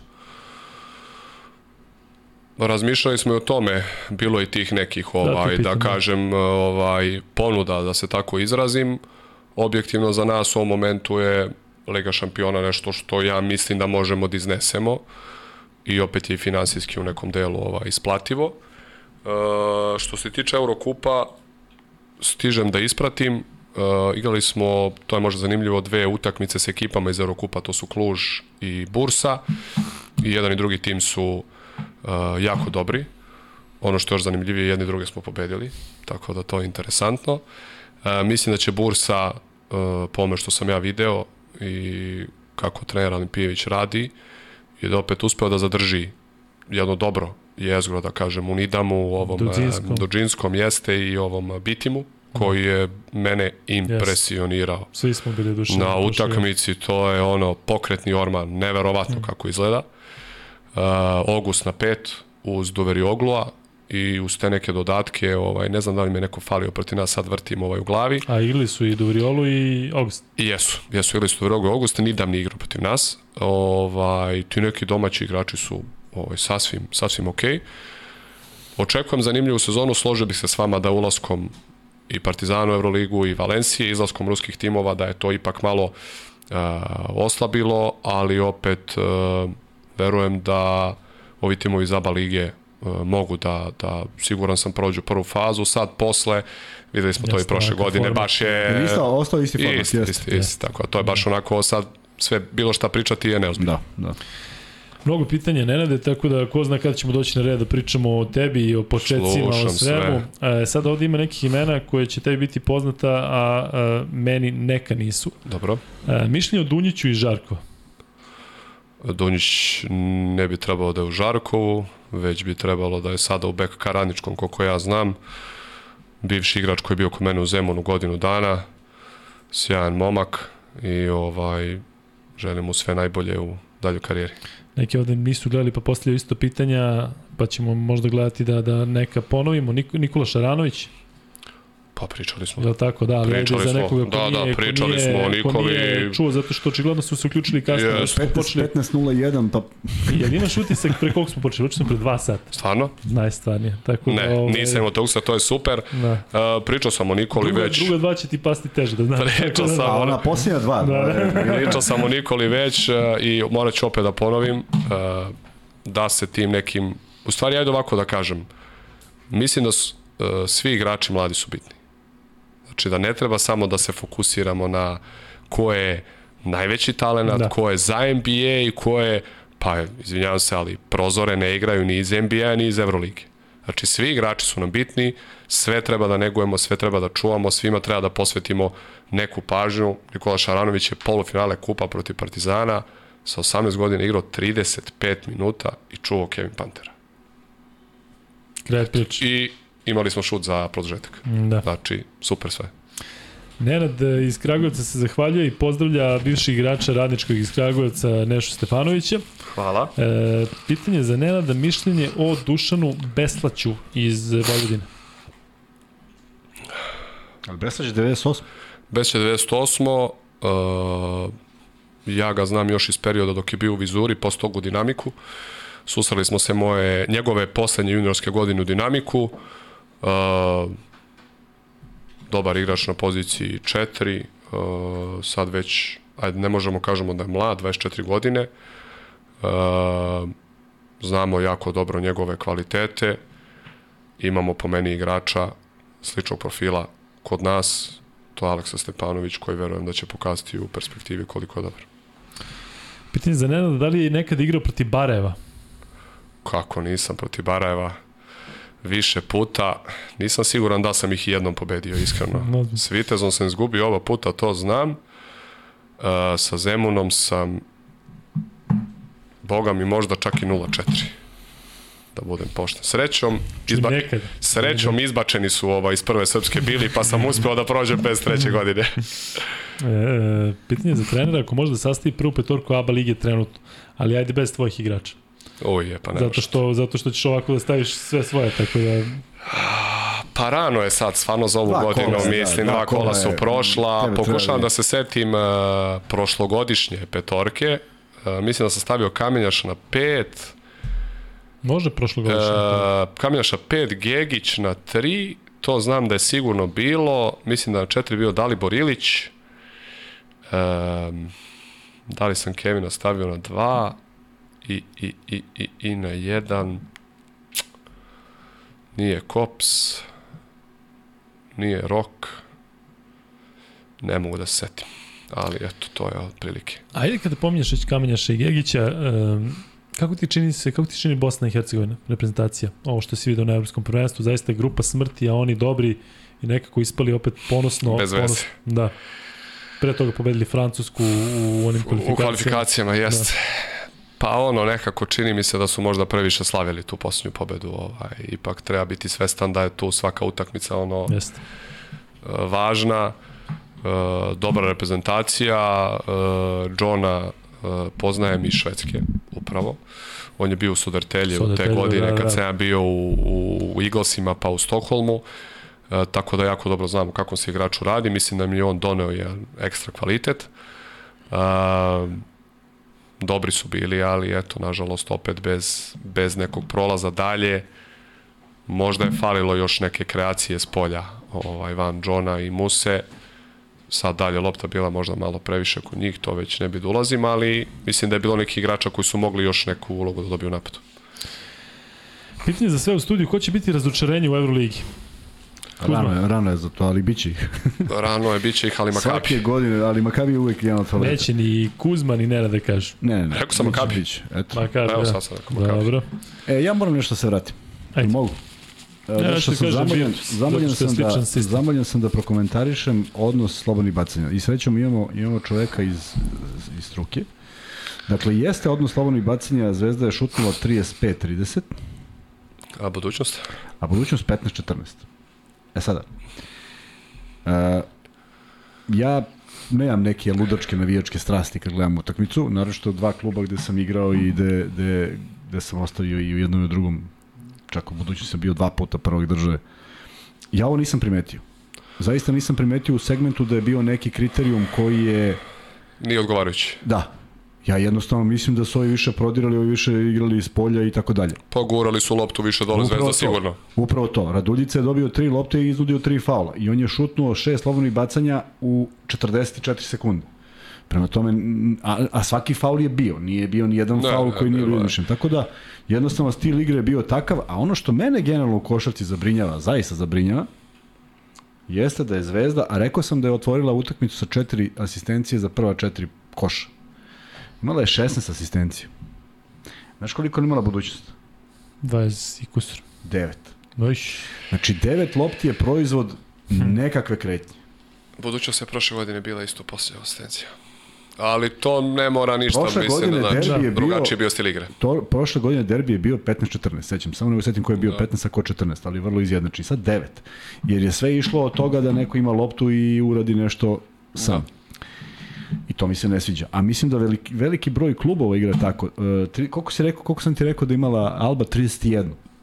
Sad zamisli kad igraš protiv 31 asistencije. Dobro, oni igraju koliko baš- je to baš teško. Da, jest tap, tap, tap, nema, niko, niko ne drži loptu duže od desetinke. Pa odnos bacanja je, mislim, ovo upravo što si ti pomenuli smo u jednom delu emisije pre dva sata, ono, ovaj, kad si rekao dva faula imaju, mislim da je to ipak kako koristiš taj bonus, koliko spuštaš loptu dole, ono, nikad se ne vezujem za to, sem kad ono ne Kad bude drastično, 35, pa ti tako. kaže čekaj sad stani. Ne, kad je drastičan Jest, kriterijum suđenja. jest, ovde ja nisam primetio da je nešto svirano tamo, a ovde nije. Tako Pa. da, samo je proizvod da, da su malo više tukli. Jeste. Ima milion pitanja, ali evo ja imam jedno za tebe što me baš zanima kako treneri to uh, rešavaju. Kad imaš igrača koji ima problem sa linije penala, a vidiš da je možda trenutna kriza ili da je nešto u glavi, kako to rešavaš? Ili ima recimo neki onako broj koji treba da ispuca ili se priča ili se šta se radi? Pa mislim da zavisi od slučaja do slučaja. Znači sve individualno. tako? Jeste, ne bih mogao da, da sad, e, evo odmah direktan primer, mi imamo u ekipi, da kažemo, jednog znaš, to je Nikola Janković, mislim, njegova sama mehanika šuta i procenti na treninzima su fantastični. On je, mislim, radio sa najboljim čovekom za to, to je Aco Matović, tako da bio bi ja lično mnogo glup da mu bilo što ispremam. Tako da, ajde, ubacuj, ubacuj, ubacuj, steći će samopouzdanje vremenom i to je to. Tako da ne vidim nešto sad tu da ja mogu da promenim mnogo. Uh, Izvini, tehnika je bila sve vremeno, seća se u Sakari kada je bio, to je bilo potpuno Jest. nekako Ovo je baš- sada sjajno iza tri poena na treninzima, to je super. Uh, da kažem da je drugi neki Marko Pavićević, kod koga smo morali da uđemo u neku korekciju šuta, da sad ne ulazim mnogo u detalje, za njega je bitno da ima broj ponavljanja i da usavrši taj pokret koji će mu pomoći da ti procenti budu dobri. Tako da eto, ne Sjajno. može baš da, Da, da, to, sve to je to, jeste. pojedinačno. Jeste. Pitanje za Nešu, šta misli o dve neuspešne sezone Barsi i vođenju Šaruna sa Jeskivičiusa? Takođe, kako komentarišete sjajne Bayernove partije u Euroligi i nemogućnost da osvoje titulu u domaćem prvenstvu?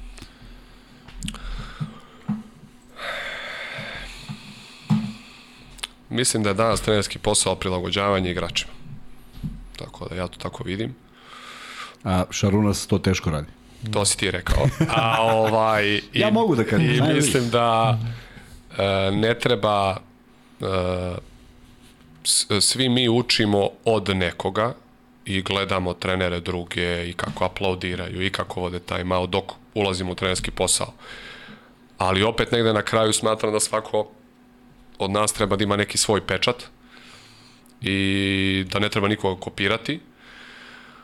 I opet kažem, treba se igračima prilagoditi, pomoći im da budu bolji. Verujem da ste videli izjavu Kalatesa mm -hmm. posle odlaska iz Šta Barca. je da. rekao, to možda negde dovoljno govori. Nisam čuo njega nikada nešto prokomentarisao za bilo kog trenera, bilo šta loše. Jeste, da, nije neko... Ne komentarisao, nego uopšte da je Nikad, nikad. nikad Da. tako nešto. Znači, definitivno ovaj, e, možda bih iz nekog iskustva mog e, sa igračima bivšim koji su postali treneri, moguće je da su njihova očekivanja malo prevelika.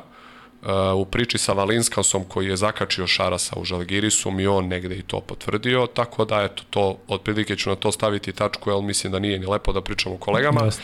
Što se tiče Bajerna, mislim da Trinkieri radi nestvaran posao u Euroligi, a Nemačka liga je mnogo teška da se osvoji, kao i Francuska. Tako da mislim da je baš fizički teško, su jako fizički. teški, a ti se potrošiš u 100 utakmica i, i, i stigneš do, do top 8. Oni su dva Stigneš do puta majstorice, tako. Alba čeka sve Tako vreme, je, oni čekaju. Da, Da. Jest. tako da nije lako, ali vidim da i on rekao prvu sezonu da im je ipak to prvi cilj ove godine, da se uzme ta titula Tako u je, Nemačkoj, jer tako ipak je vreme.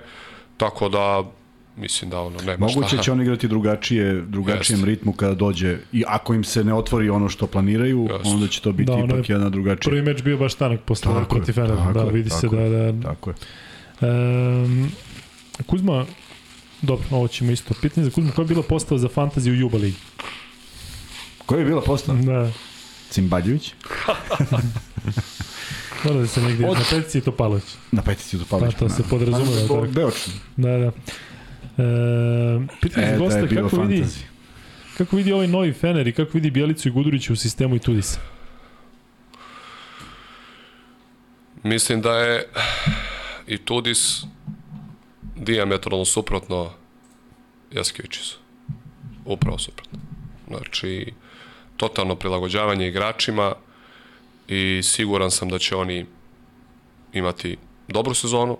Mislim da su u prvom kolu to već pokazali. Uh, za Bijelicu ćemo videti svi da će to biti četiri, da će to biti pet, šta će to biti koja pozicija a Gudurić je i prošle godine ovaj, već taj playoff zaista igrao izvaredno, tako da od njega očekujem da bude dobar, ali kažem u i Tudisovom sistemu ne znam stvarno ovaj, sem Mike Jamesa ko se nije snašao. Evo, pitanje sledeće, šta misliš o Michael James? Bolje je Što bi Valinskas. Saša Obradović rekao, dobar dečko. Bolje je Valinskas. Da. To je to. Bolji Šaranović. Za mene. Tako da. Kuzma, slavi, imamo nekako se slaže. Ali vidiš, recimo, ko je došao pa nas iznenadio kad je pričao Michael James? Neko bre, neko igrao s njim ili ga je... I Andjušić da igrao s njim? Da bre, Andjušić je pričao da je, da je bre super, tako sve, sve pozitivno. Sve, sve je to okej, ali evo, ovo što je rekao za Itudisa, dakle, ja nisam mogu da tvrdim, naravno, ali čim je ono jednom puklo, ako se sećaš da je bilo... Prvi prvo- put je bilo da, odmah problem, jasno. Ja sam znao da to, kad sam čuo da se vraća, da to ne može da traje. Prosto iz iskustva znam da ne može da traje. Bilo je i takvih igrača i kod nas i pokušaš ovaj, pokušao, ma ne vredi. Nema tu povratka na staro. Neko se prilagodi, Sale Obradović je uradio fantastičnu stvar, došao i shvatio koliko je sati i sve je to super. E sada, a, a, a, s druge strane, Zvezdan Mitrović je otišao zbog toga. Jeste. Dakle, ja poštujem i što ovaj to ne može da podnese i ovaj što može da se Ma, prilagodi. Ali To na kraju ispalo dobro, vidiš. Ja sam bio ubeđen da to neće ispasti dobro, bez obzira što se Obradović vraća, što je sve to. Ali mislio sam da će James u nekom trenutku, mislim i dalje da će ove sezone da on u jednom trenutku pukne. Vi- vidi, a za Svaka mene- čast prva partija, njegova mene- druga sezona. Ali za mene svakako ovaj, nije ispalo dobro. Zato što sam bio čovek koji je poštovao svoje trenere. Znači sad govorim samo ono lično, ne da li sam, ne da li sam u pravu. dakle, Zvezdan Mitrović je moj drug, Dejov kum, znamo se 100 godina, bio mi je pomoć trener u budućnosti. Uh, vrlo, vrlo fleksibilan do određene granice. Ako on nije mogao to da pređe i uradio je tu stvar i klub nije stao iza njega, meni je u stvari pokazalo u kakvom sistemu Jeste. funkcionišemo. I meni to nije drago. Zato što sam imao određeni, ne određeni, nego veliki respekt prema trenerima i, i kogod da mi je došao za trenera, imao sam zaista ozbiljne trenere tog vremena. Prema tome, a, meni to govori da se liga menja, a ima još jedan podatak koji je potpuno ludačak i ne znam da li je istinit, nešto vezano za Euroligu, si čuo? Mm, ne, da znam, Ali je to zato Mike James u domaćem prvenstvu izgubio titulu. Da, da. utakmice. Da, pa da. Da. I to onaj i posljednji meč katastrofa. Dobijen, Tako faktički. je, Kaže, samo da nađem. Pričajte vi nešto. Da. Dok Kuzma... Setio ono- sam se uh, sad sam vratio film šta sam pitao, pitao si me koliko je bitna podrška porodice, ako se dobro sećam, uz ono pitanje. Da, da, to je povezano. E, jeste ovaj, uh, ja sam iskreno planirao u jednom momentu da pređem na to da budem profesor fizičkog i da uporedo radim u nekoj školici ili tako nešto, jel posle te godine u a, Žarku, posle godine u Vitezu, posle nekog perioda u Zemunu gde si ti trener već 3-4 godine gde radiš 300% onog što je moguće u toj sredini ti ono Ništa nema ništa. nikakve ponude, ne da nema ponude bre, nego ne konstatujete nikom rekao da ne postojiš. Ja sam zaista ono imao sam opciju na školi da se doškolujem i da faktički dobijem i, i, i to ali ono supruga je rekla, ne, ne, kao ti, ono, naš, možeš samo da, da budeš trener, tako te vidim i zaista, pošto sam ja rekao, znam, ali ono, malo je para, dobili smo drugo dete, znaš, hoćemo moći, tako da bitna je podrška porodice i prijatelja isto ovih nekih ovaj najbližih koji su tu negde bili od početka, naravno da znači i naravno da je važno. Našao sam. Ajde. Velike promene u Euroligi na pomolu. Abu Dhabi.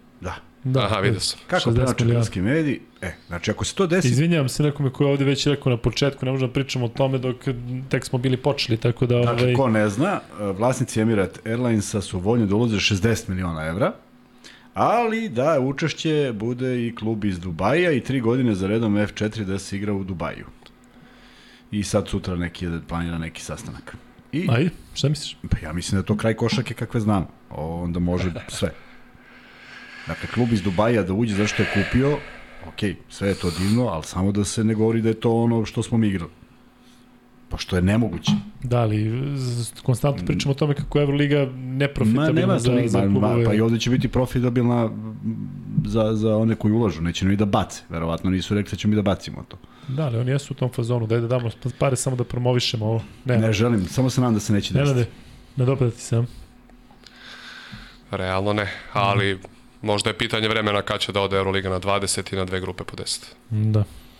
To je okej, okay, to je legitimno i kamo sreća da je u COVID situaciji to i urađeno. Yes. I ja sam to priželjkivao. I svaki bogovetni nastup Zvezde u Euroligi sam pričao kako je moguće da se neko nije toga setio, samo da napravi eksperiment. Tako je. I skratiš. Pritom, kada podeliš dve divizije na 10, strahovito podjednake Kako divizije ne? dobijaš. Znači, ruske ekipe, ovamo španske ekipe, ovde ovaj, I ovde onaj. I odmah kažeš poslednji u grupi A i grupi B, vi ne igrate, Tako finalisti Eurokupa ulaze. Tako je. To smanjiš je to. tenziju i pritisak i, I to je to. I smanjiš troškove yes, putovanja, a dobiješ podjednako kvalitetan broj utakmica. ne? I napravi i play-off i sve napravi. Sve može. Koliko deluje to jednostavno da ja. ispričati, a u stvari Nije tako. neostvarivo, da. A, šta je neostvarivo? Uh, a ovo je ostvarivo, pazi, ovo kao, znaš, ovo je ostvarivo. Što je najgore ostvarivije nego što ja pričam. Jeste. Um, Nenade, pitaju te da li postoji bolji šuter iz Užica od Radoševića? Bolji šuter iz Užica od Radoševića. U, nema, bio opasan, nema. Pa teško. Obećavao je Kara Petrović da bude igrač, ima strahovite povrede. Da, da. Strahovite povrede imao i, i, uh, uh, i nije uspeo.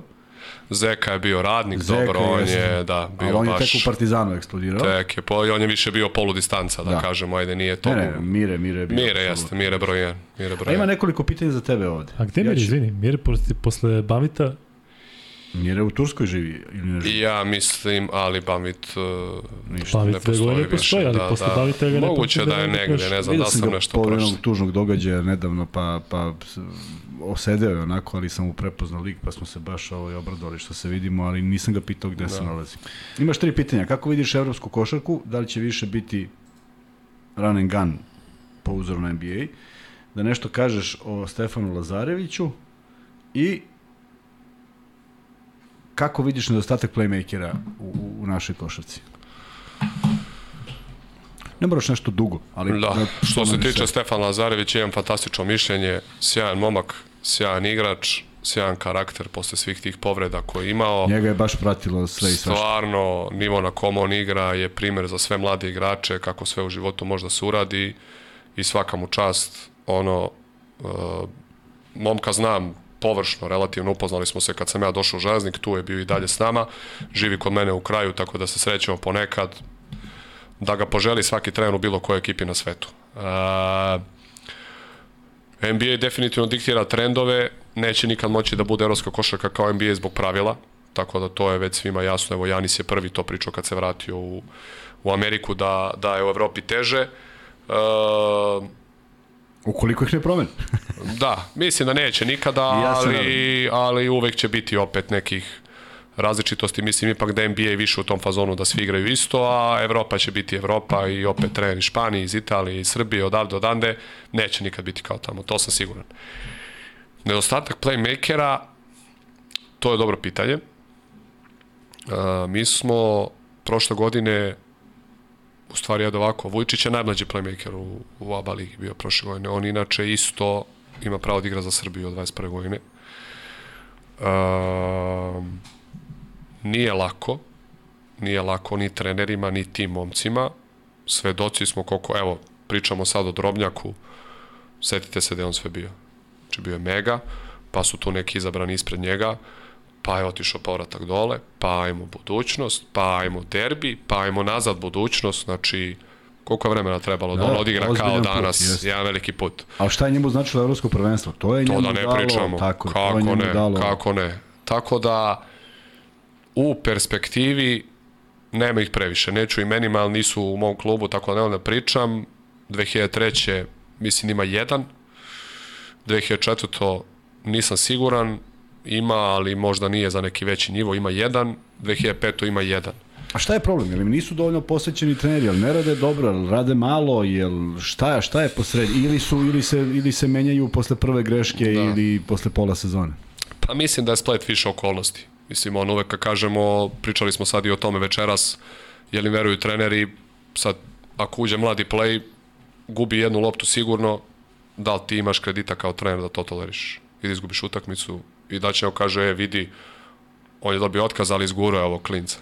Da, da. Ne, komšija pere i samo on. Čisto da. sumnja, mislim, nije lako ni njima, ni trenerima, ni klubovima, da svi treba da radimo na tome, treba, Uh, ne mogu da kažem da se ne ide konkretno greši. Ono, najlakše reći ne, njima treba se da sloboda ili je njima treba da se ima svega pomalo, definitivno je tu najteže napraviti igrača u krajnjoj liniji Španci koji su prvi u svim kategorijama su, su naturalizovali Amerikanca, tako da je definitivno uh, problem, ali verujem da uz neki zajednički ovaj trud i rad svih i klubova i saveza i trenera da bi to moglo da se kažem, ima par zanimljivih momaka koji možda je vreme već da dobiju na nivou ABA lige priliku.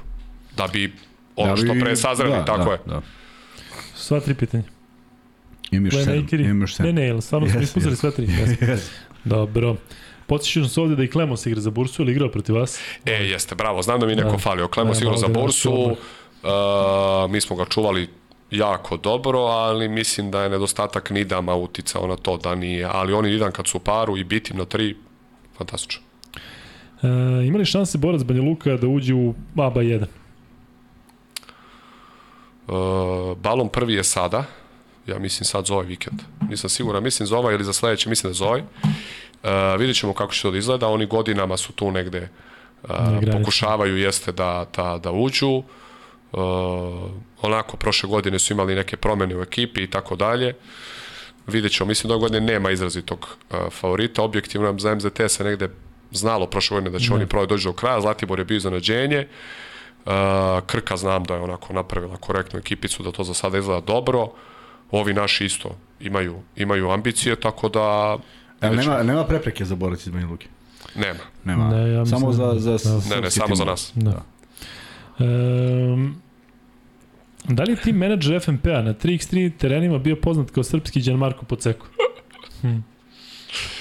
Dobro, jako je po tom nadimku. Hm. Marko Petrović zvani Amos.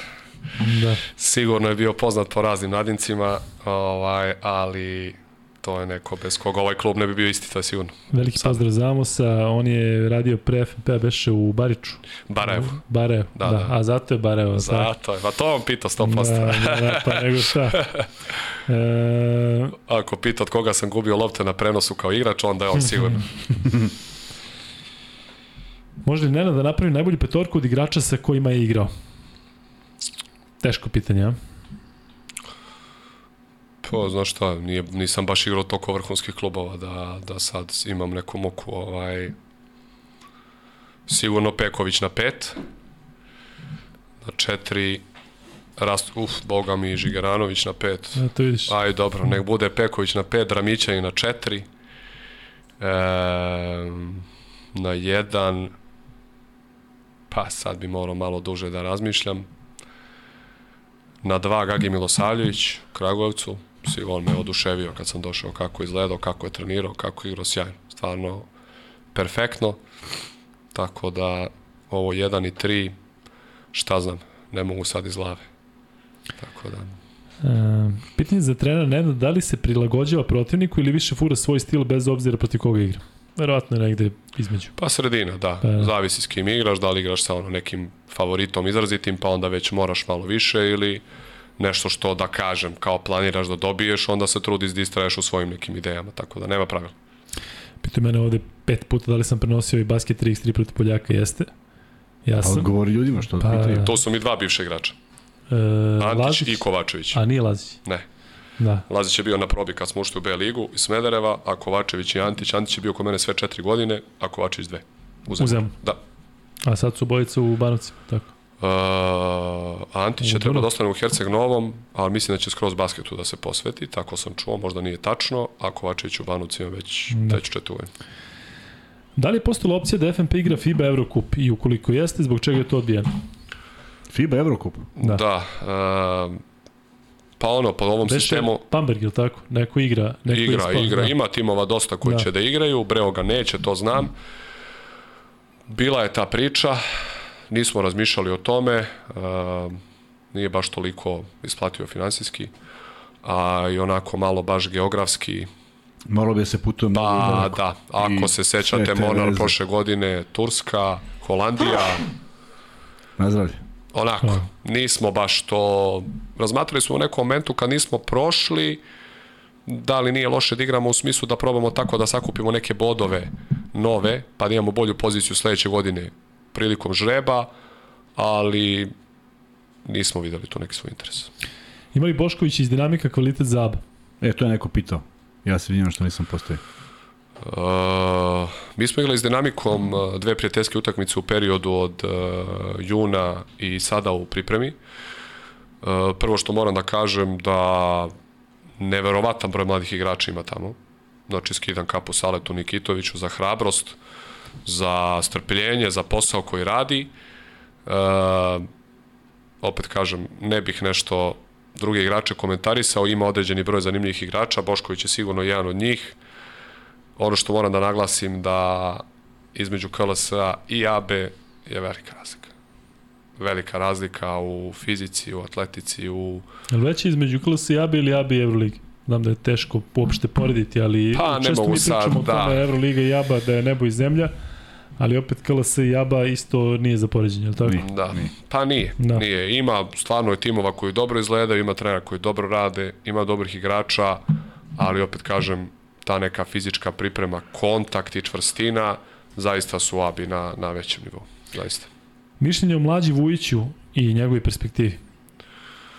Mlađa Vujić je jedan od igrača koji je bio u toj generaciji Žarkova, 98-99, znači prva moja godina kao trener, trenutno je u, u KK Podgorici, ABA 2, mislim da će sezona ispred njega pokazati koliko može na ovom nivou, on je bio ABA 1 prošle godine, ali nije imao neku ulogu, ja očekujem da može da ima dobru sezonu ispred sebe i da pokaže zašto je spreman.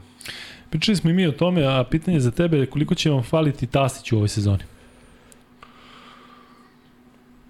Pa ono, mislim, svaki igrač koji je otišao koji je donosio neki kvalitet, a on jeste teško nadoknaditi, nema ništa sporno.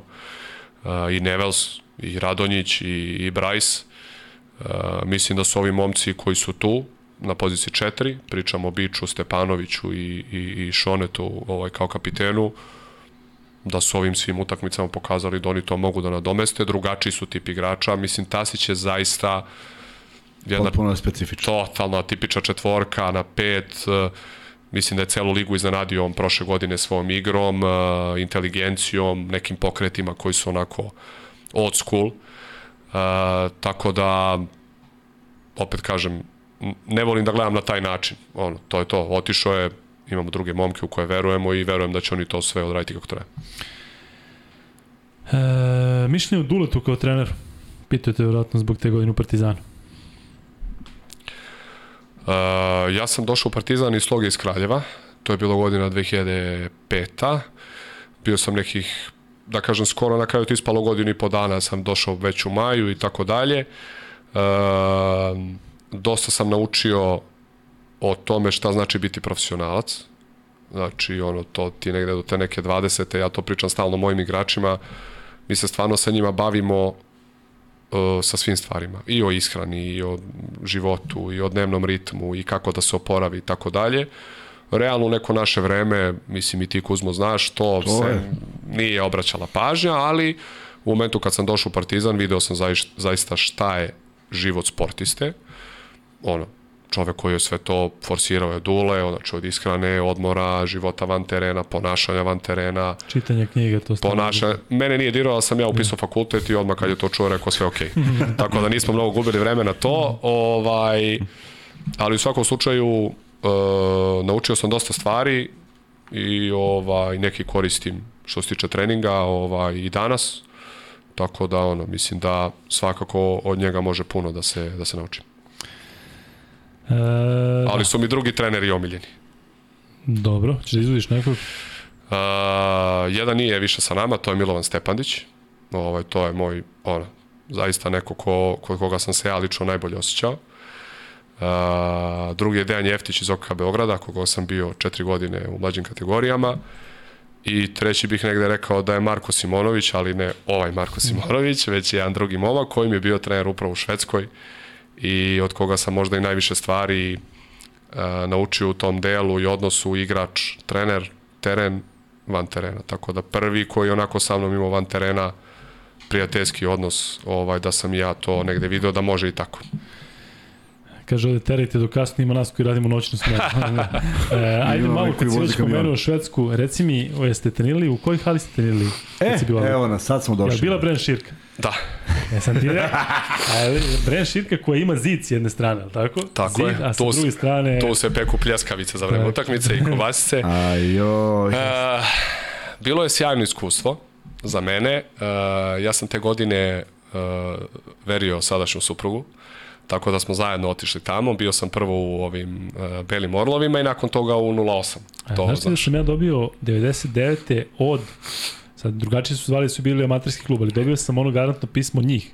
Oni su četvrta liga. Dakle, ne, Beli Orlovi, Srpski Orlovi, kako su se zvali, oni su te kasnije postali profesionalni klub. Jeste. Da, i tamo su bili, oni su igrali istu prvu ligu, tako? Da, da. Prvu ligu kad sam ja došao, uh, to je onako stvarno bilo jedno grupa građana. Mislim, objektivno, I to je stvarno bilo ono... Uh, ne može čovjek naš da zamisli, sad ti odeš u Švedsku gde je ono sve uređeno, naš prevo, sve fino i sad odjednom neki Srbi tamo i dalje vode svoju politiku, naš ono žive kao u Srbiji, ono preskaču u metrovu, ono mm. i tako dalje. Ali generalno meni bilo jako lepo, uh, supruga moja je tamo, da kažem, nije imala šta da radi u smislu, nije odšla zbog posla, uh, I onda ona kad god bi je imao dan slobodno, ajmo dobiđemo ovo, ajmo dobiđemo ovo, ajmo dobiđemo ovo. Tako smo mi stvarno grad toliko upoznali da je moja starija čerka i pričali deci da je moja starija čerka napisala koji bi grad volao da vidiš u školi, ona napisala Stokholm. Ovaj, tako da ćemo sigurno otići, a posle toga iskustvo u, u 08 uh, Stokholmu, znaš oni gde su, kako ne. Okay. Samo što ovaj. kad sam ja trenirao, bilo je u Fris Husetu, ne znam da li je to... Jeste, u onoj organizaciji velikoj, e, tako, tako je, tu je bilo mi je bilo nestvarno. Ja sam došao, sačekao me trener, dovezao me u salu, rekao da što je trening i tako dalje, sve okej. Okay. I treba da imamo video za protivnika narednog. Ja sam došao četiri utakmice pre kraja ligi. 6 i 15 recimo video, ma 6 i 5 nema žive duše u hali, bre, ne ulazi niko. I 6 i 10 oni se polako skupljaju. 6 i 15 dolazi kapiten, javlja se meni sa kučetom u slačionicu i Kuče ima svoju stolicu ispred video bima gde se pušta scouting. Pazi, ja koji ono, dolazim, prošao te neke škole, ono, na što ne priča se. Amerikanac kasni, pet minuta, ulazi, kaže treneru, je, čao, kaže trener, evo novi igrač, on nema pojma ko sam ja, naravno, okej, okay. kao coach, mogu samo špagete da pogrejem. Pa naravno da možeš. Mm. On ubacuje mikrotalasnu mm. i sad bi svi ovako sedimo i ti čuješ od dva minuta z, z, z, mm. tek, gotovo kaže, e, može sad. Mm. On kreće, kuće ispred i mi gledamo skapti. Mm. Ali mi je bilo jako interesantno iskustvo, mnogo bi bilo lepo i tu sam negde shvatio koliko smo mi u stvari košarkaški onako egoistični, trener mi je bio šveđanin i naravno ti sad kažeš šta će sada meni da pokaže što ja ne znam. Verujte mi, preko 10 individualnih treninga sam zapisao njegovih šuterskih vežbi, timskih treninga, nekih principu odbrani, baš sam onako rekao sebi, mnogo si glup, ono, na što si to mislio o čoveku, oduševio mi. On me zvao da idem posle sa njim u Suncval, a Vedran Bosnić me zvao u Sodrtelje. A ja sam otišao u Žarku. A je bilo mišljenje da odeš u Sodertelje Kings? Sodertelje je... Pa to je beogradski Sodertelje. Sat vremena, pa, pa nije to je to. toliko. Nije ni toliko. Vozom, nije ni toliko. Blizu. Znači, Žarko je bliže, zato da, je došao. Da. Žarko, 5 minuta peške. ovaj, bilo je pregovora, čuo sam se s Federalom više puta. Ja sam apsolutno bio za. Te godine sam se i, i oženio. Imao sam jednu ponudu iz Češke. Imao sam malo neku Ponudu za ženitbu? da, drugu, drugu. ovaj, imao sam malo neku, ovaj, uh, kako bih rekao, porodniču situaciju specifičnu i na kraju sam ovaj, odlučio da, da prestanem da igram, a uporedo sam otvorio kafanu sa mojim pašom koji mi je uz brata i kuma najverniji ovaj, navijač. E, ćemo neko pitanje Šu u Švedskoj? Gde je kafana, čovječ? Bili dve godine, nisam mogao više. A, to. to je to. Nije moglo stvarno. Izdržali smo toliko. E, I koji ti je najlepši deo Stokholma? Gamlastan ili... Uf. Jesi vidio možda Jarlaberi? Tamo onaj Nikel Viken, odnosno ovaj nacionalni park. Yes. E, tu sam ja živio. Izađeš Bili na prozor, smo, tako je. Srnat i dođe na, na, na prozor. Ali ja uživam sve ovo što znaš, majke. Pa znaš kako, Vasa muzej mi je fascinantan to je nestvarno. Ono, to kad sam video, oduševio sam se. Um, pa ono, sve, sve mi je bilo lepo. Baš ono, ne mogu, ono, uživao sam i to šetnji centrom, o tom nekom životu tamo, o uređenosti, o prevozu, o... Ja i moja supruga smo takvi, zaista. Mislim, ono, ja decu ujutru pobudim u 7, u 7 i 35 to je Ste to. Napolju, Nahranjeni, zubi oprani, spremljeni, samo disciplina. Tako da je nama u Švedskoj zaista bilo Mnogo lepo. Ovde kažu, ljudi pustite čoveka, treba sutra da vodi decu u školu. Idu e, popodne, da, ali mi je trening, ali nema veze, sve okay. Ne, ne, spremio sam se. Jesi bio u Gran Lundu? Jeste bili na onom parku, Luna parku? Nismo. Niste? Ne. E, tu si propustio svašta. To je meni Nismo. bilo posebno tad. Ono, naviku si ode na vašar, na sajam, balerina i ne znam šta i odeš tamo i... Nismo, nismo, nismo. To nismo e, nažalost. Ali Kuzma onda objasni po kojoj logici može jedno neprofitabilno takmičenje da dobije 60 miliona. To je lova koju ne bi mogli da sanjuju suprotno. E, sad objasni. Opet Jeste, ajde da kupimo sve, može, može, naravno. I 40 igrača se licencira, može i to. Kuzma izjavio e, jednom. E, slušaj, i če, linija, da za četiri, da linija kažem. za četiri, a i za pet, ali ne je linija, nego tačka. Odakle možda šuteš, a može i sedam sa druge polovine. E, i još jedna vrlo bitna stvar. E, Neša zna, imaš onu vežbu kad igraju visoki mali ili, ili podeliš ekipu pola-pola, nije važno. Pa ko ne pređe pola, Ne važi. Ne važi. A ako svi pređu, onda mu se dodaje još jedan. E, i to da uvedu, i onda je 180-160 će biti rezultat.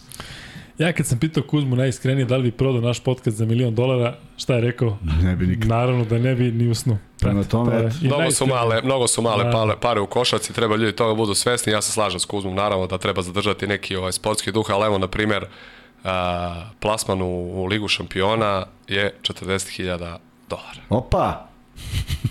Eto. Eto. I sad mi smo normalno pričali s ljudima koji to igraju, oni su rekli, vidi, dovoljno je, dovoljno je za prvu fazu da pokriješ, ovaj, tako da, da. to je stvarno, mislim. I dobiješ u 10 rata.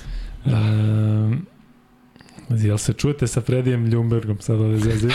ovaj, e, ovo sam hteo da prođemo, e, je baš je dobro pitanje, komentar na knockout Grina i kako bi reagovao da se to desi u njegovom timu. Dakle, ja i Vanja smo pričali o tome i sada se priča mnogo o tome šta se dešava u NBA ligi i kako je precurio snimak i da se inače to dešava na trenizima, ne možda u tolikoj meri, ali je tebe ono iznenadilo? Onaj brut, toliko brutalan udarac, mlađim igraču. Pa ono, mislim da je veće pitanje kako je procurio snimak, iskreno. Jeste. Tako da je to, to da se desi, prvo bi se time pozabavio, pa tek onda svim ostalim. Naravno da u nekom žaru borbe na treningu može da se desi razno razni situacija. E, normalno da nisam pristalica toga. Mogu da razumem kad se desi. Sad možda onako kad se to vidi na snimku deluje jezivije nego što jeste. Ali nemam neki problem da se zarati na treningu sad. Baš kako bi reagovao da mi se igrači pobiju, nemam pojma, nadam se neće do toga doći, uglavnom na vreme stanu ovaj, kako bude neko koškanje. Tako da... Ima jedno pitanje, e, pričao si o, o, o prelasku iz Pionira u kadete. Pionira u kadete. A pitanje je vezano za prelazak iz juniora u seniore. Imao si dosta iskustva. Kako to izgleda i kod tebe i kod igrača? Ne kod tebe, nego kako kad dobijaš da. igrače koji, koji dolaze? Ono što im ja uvek kažem, dimenzije terena su iste, a sve, sve ostalo je, da. Tako da, uh, možda je negde danas uh, to negde bitno što oni nekako nemaju pravu sliku o tome i imaju možda malo iskrivljenu i onda sve to kad oni dođu na taj trening, uh, nažalost uglavnom se razočaraju. Mislim da je lakše? Da, i onda ti ulaziš u jednu fazu da sad ti opet i ne smeš da preteraš, jer ja već vidim odmah posle dva treninga da se on ono što kažu klinci smorio, jer je on očekivo sad će on tu da nastavi. A ne, treba, ne smeš da ga izgubiš. Tako, ne da ga izgubiš, tako da a, nezgodan je prelaz, ja se trudim da spustim njihove ambicije, da im objasnim da su neke male stvari dovoljne, da zagrade, da istrče, da utrče, da šutu kad su sami, da se ne plaše i tako dalje i da prosto budu spremni da će biti teško i da mora dosta da se radi. Sad, ono, stvarno mislim da ja kao i čovek i kao trener imam strpljenja, nije lako, to je definitivno, i opet kažem, nije lako ni njima. Nije lako ni njima, mislim da je možda ta polazna tačka su neka prevelika očekivanja i da posto treba da budu svesni da će biti teško. Ja se trudim za to da ih spremim. E, posle sam ulazak, eto kažem, dao sam primer Vukovića, on je bukvalno dečko posle 4 minuta on, ne mogu više, ali nije on ništa kriv, mislim, prosto on se prvi put susreo sa tim gore, dole, brzo rešenja, reakcije i tako dalje. Ono, treba im vremena, uh, važno je jako šta rade u, u juniorima. Važno je jako. Mislim, nisu ljudi svesni koliko je to bitno.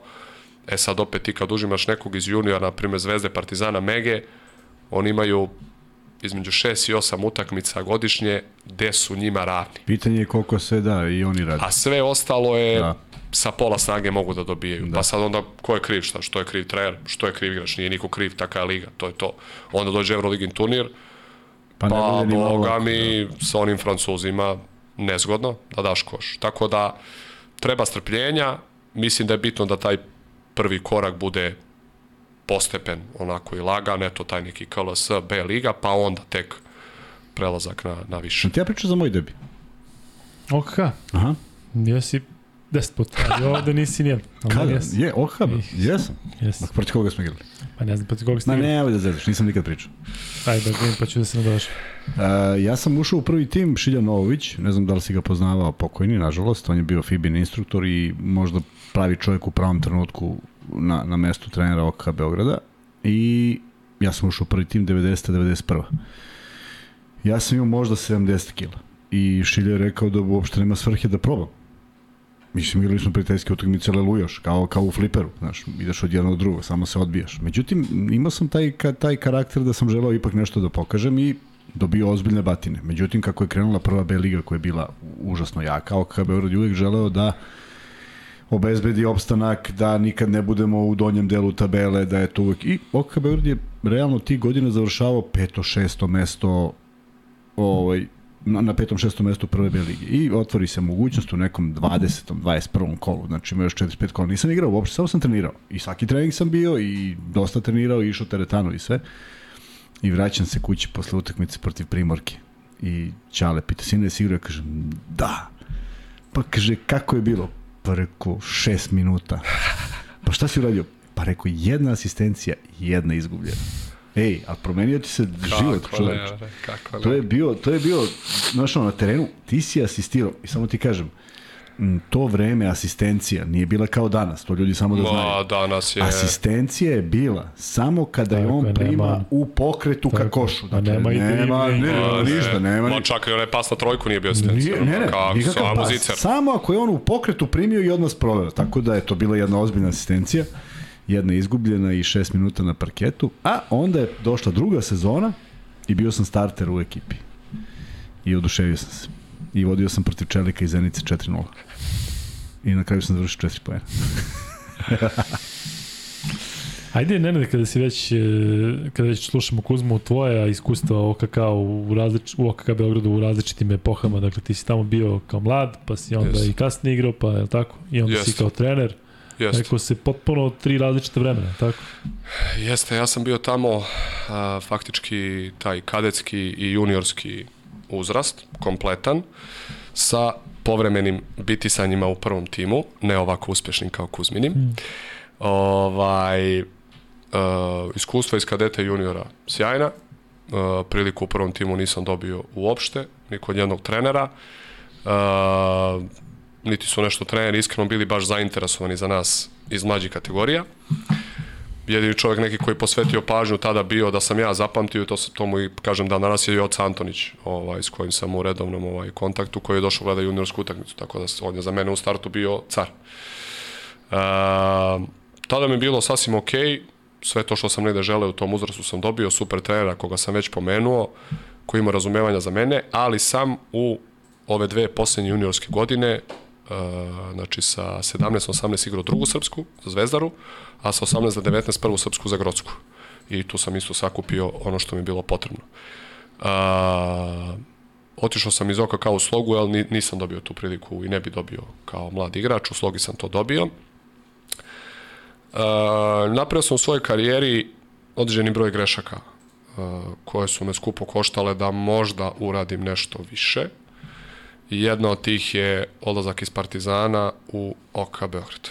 Tako da to je bila u tom momentu greška, jer kad ti izađeš iz Partizana, gde se apsolutno sve zna, gde znaš i kad trenaš, i zašto trenaš, i što trenaš, i, zbog čega radiš koju vežbu, i kad znaš sve i utakmici, i odbranu, i napad, ja sam ušao jedan sistem gde se apsolutno ništa ne zna, ni kad treniramo, ni što treniramo, ni da smo Pioniru, da smo Kovilovu, da li imamo trening u 3, u 5, u 7, moji momci ne primaju plate, izbacuju ih iz restorana, katastrofa, katastrofa, užasno, tako da sam to napravio veliku grešku, a i ispali smo iz lige na sve to, tako da onako kako smo i krenuli. Ulazak kao trener u OKK uh, je bio splet nekih okolnosti, te posljednje godine u Zemunu uh, Miško nas je zvao da igramo prijateljsku utakmicu sa Megom, što je za nas bilo super kad god. Samo sam mu rekao, kaži mi termin da vidim da momci nisu na fakultetu, inače sve ostalo može. Oni su se te godine borili za opstanak. Sećam se da je bio Kendrick Perry i znam da se potpisali Paunića. Pa su zbog njega hteli da odigraju da se on malo vrati. Ja rekao, naravno, nema problema, dolazimo super. I posle toga smo oni ja ostali u nekom kontaktu, ja sam dobio neke ponude iz KLS-a koje sam odbio, nisam da prihvatim. On je već bio postavio Baneta Ratkoviću za glavnog trenera, pitao me da li bi ja hteo da budem pomoćni uz neki dogovor naš za dalje i meni u tom momentu to odgovaralo da ja posle te četiri godine u Zemunu izuzetno naporne za mene, jer sam ja vodio uporedo i juniore i seniore, malo ono, dođem do daha i da možda iz ugla pomoćnog trenera sagledam stvari nekim drugim očima što sam i uradio, tako da eto, to je, taj treći put je bio sve, sve okej. Okay. Pitanje, je, ajde ti, pošto znaš sve, gde je trenirao OKK Beograd, u kojoj osnovnoj školi kad sam ja igrao protiv njih dok sam bio pionir i kadet? Koja osnovna škola? Pero Popović Aga. Jel postoji ta škola? Na Zvezdari. Na Zvezdari, ne znam, ne znam. Dragica Pravica. Si čuo? Da, da. Čuo sam Dragicu Pravicu, ne znam da je Da škola. si, jesi, jesi tamo? Zakačio sam je malo i onda smo prešli u onu Kako miš ja sve znam? Milanković Ja sve znam. na Medaku. Ja mislim. Medak, E, jeste, da, da, jeste, da, jeste, da. jeste. Pamtim kakvi. Jel ti, znaš koliko pitanja ima? Nikad ne znam da Dva. smo imali ovako pitanje. Dva. Da li, ti, da li su ti rekli, ba znaš koliko ne, nemoguće, da ostaćemo do, do, do, do sledećeg podcasta. Joc Antonić mi je rekao, ako budeš zanimljiv, možda budeš dva sata. Eto, baš mi je drago zbog njega što smo prešli. Da, da. E, da li su ti rekli da ličiš na Clea Thompson? Na Kleja Thompsona? A. Ne. A? Rekli su mi da li, ličim na a, onog glumca kad sam bio u srednjoj školi iz američke pite. A on je Jason Biggs. Pa ne znam kako se zove. Jason E, Biggs, da. 100%. To je baš ono bilo kao, e, kao, veći nos. isti si on, nadam se. Ja moram da čoveka pitam, Ajde, sad nek se ovi. Ti kad si bio u Švedskoj, jel tamo i Lunga, Olivije i Lunga, jel se je znalo za njega? Kako nije? E, on kad igrao, je, bio- je protiv mene, a u 08 smo igrali zajedno. On je pet ili šest godište, ko je? E, ja mislim da je stariji od mene godina četvrto. A ja mu znam burazere, koji su nešto treneri. Znači, oni su momci... E, Uh, brat mu je bio u tom momentu trener u stručnom štabu 08 Eto. i mislim da je već dok su mi došli do play-offa on otišao u neku Ameriku. I on je on se zaljubio mene odmah. Ja sam ja prvu utakmicu uh, bacio dva lob pasa i dao neki pas iza leđa. On mi već u utakmici rekao nisi ti za ovo kao naš, ovo to. Sjajni, je. oni su morali, Jeste, to sam yes. mislim da su čak blizanci, da li su, da li je Ja razlika mislim dana? da, da jesu, da. Ne, ne, Da. Lunga je igrao za Solnu, ja mislim ja kad sam došao i onda smo zajedno bili u Ali on je bio 08. neviđen talent, on je bio u Jeste. Benettonu, nešto je bilo Jeste, jeste. da je ovo. Jeste. A kako se zove momak koji kad sam ja do, kad smo mi dolazili na treninge bio je mali, nije bio metar i samo je tapkao loptu i kasnije je bio reprezentativac i završio u Grčkoj. Imao je 2 metra. E, crn isto. Po skroz crn isto, mislim da je poreklom iz Konga ili tako, Masamba, Masa, Nije Mbemba, Mabemba. Rudi Mbemba. Da. Ili, Rudi ili Masamba, ovaj što je igrao za njih, imaju dvojice. E, Pa kako bi ja mogu u sljutiti što si pitao? Jel? Onda je, Kako bi ja onda je mogao moguće? Masamba, da, da, da, da, da, da, da, da. Rudi Mbemba je bio ekstremno neki njihov veliki talent koji je čak kad sam ja bio u Partizanu bio na probi kod nas i Dula razmišljao da Nije, ga uzme, nije, nije taj. onda je ovaj drugi Masamba, Da, da, a ja da. ti kažem, on je tipa koje godište? Pa ne mogu se setim, neću da lupim. Nije ja kad sam igrao, on dođe pored i tapka, tapka, Jeste, prolavršim se kroz noge, ali znalo se da Strašan je bio, lopta. jest. A ovaj, eto. Okay, Kako bi ja mogu Ti si da imam pitao nešto svoja protiv? pitanja u stvari, Da, nisi od da, ljudi. da, da. To Evo, je to je prednost. Crni Gober, ja se sećam Masambe, igrao za šest. Jeste, jeste, Masamba, Da, Masamba, Crni govor se svega seća. Crni sve. Gober, dakle ona. Pazi ovo, ej, Lukal, može jednom celo ime Dikembe za našu dušu. Ajde, ajde. Dikembe Mutombo, Polondo Mukaba, Jean-Jacques Diken Va Mutombo. A, ver, svaka Ne. čast. Nije to kad sam bio NBA Action, kad sam bio mali, on izgovorio, ostalo za ovih. Svaka čast. E,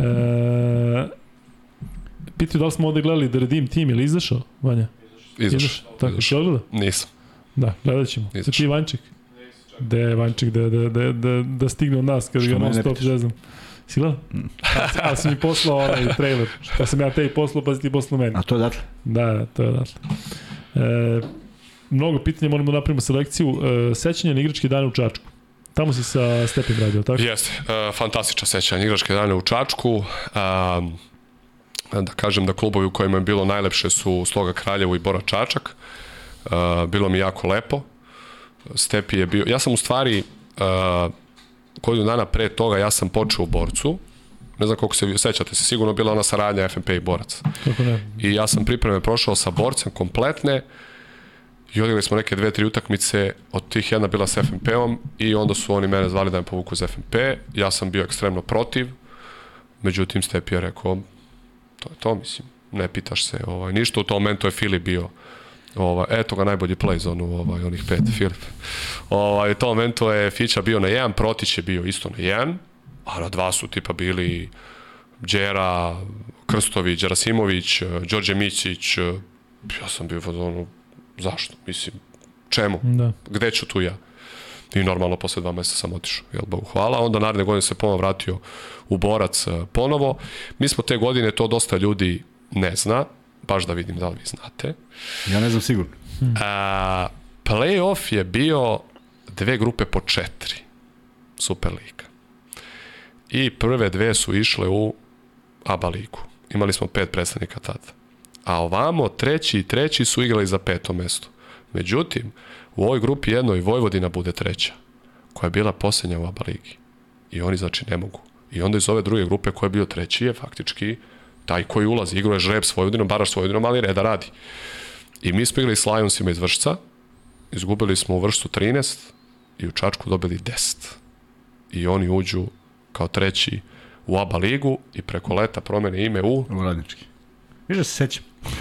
Tako da je e, to godina gde smo mi sa borcem, znači Dramićanin, Žigeranović koji je bio MVP Super lige, domaće lige. Ne znam da znate kad je Bobi Marjanović bio kod Tegaltije i kad ga je pitao Tegi ko ti igrač ko koji si, ko, protiv kojeg ti bilo najteže, on kaže, Žigranović, kaže on, pa znam čovječe, bio si u CSKA, bože, znam čovjek mi dao 100 pojena u tri utakmice, šta je, dobar, kup, To je liga, realnost, da. jeste, ovaj, Tako da od ovih igrača koga možete znate Pilčević što je sad ovaj u, u Čačku, bio Radetić što je posle bio u Zvezdi, Tubak i tako dalje.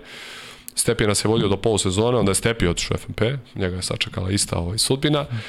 I kaže mi smo ostali kratki za za 4 poena za za ABA ligu. E, Super iskustvo, lepo mi je bilo sad kad sam bio na utakmici, oni me redovno pozovu onaj tamo deo iza koša, ispričamo se mi malo i tako dalje, znaš, mi te mnogo volimo, ali danas će biti za vreme utakmice ono naš, ali sve super, mnogo lepa sećanja, uživao sam i dva jako dobra prijatelja imam odatle. Koliko ima godina kako je Stepi umro? Ima 3-4 godine. Uh, nema, ima dve. Pre korone? Dve? Ili to? Ne. Ja mislim 2020. januar. Da. Da, pre korone. Baš Da, pre korone. da, da. Prilično sam siguran, neće Đorđe zameriti ako sam pogrešio, Boško, ali... Ja mislim da je 2019. Da, Boško, Da, dok je još sam bio u, u Jeste. Zemunu, jeste, jeste.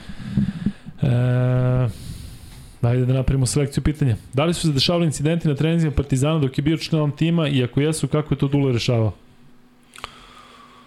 Incidenti na trenzima Partizana, pa ja koliko se sećam, ne, iskreno, uh, najviše problema generalno bilo sa Šuputom, mislim, jer je on onako volao da odgovori sve, pa je Dule imao probleme, ali ovaj, samih nekih incidenata na treninzima, ne, ne, mislim da ono bilo sve sve korektno i jako lepa grupa momaka s kojom sam ono s većinom ostao u skoro su svima u stvari u dobrim odnosima, s nekima se čujem, od nekih kupujem borovnice i tako dalje, tako da Ja sam čubrila pre neki dan na peškom prelazu.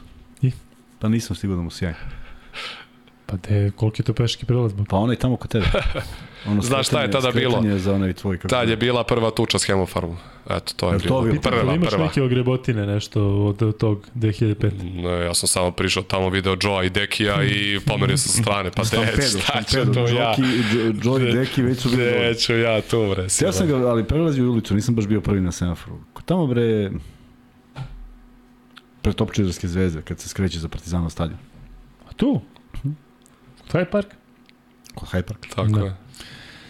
E, Luka, kad može Kuzma svaki podcast u Juba Ligi i BFC-u, možeš ti jedan podcast sa pitanjem o Švedskoj. Tako je. I to ne jedan, nego da. svaki da. Da, da, I sad ćemo da samo tražimo one koji su igrali u Švedskoj. tako je. Mm, A ja ću nastavim na miru o Juba Ligi.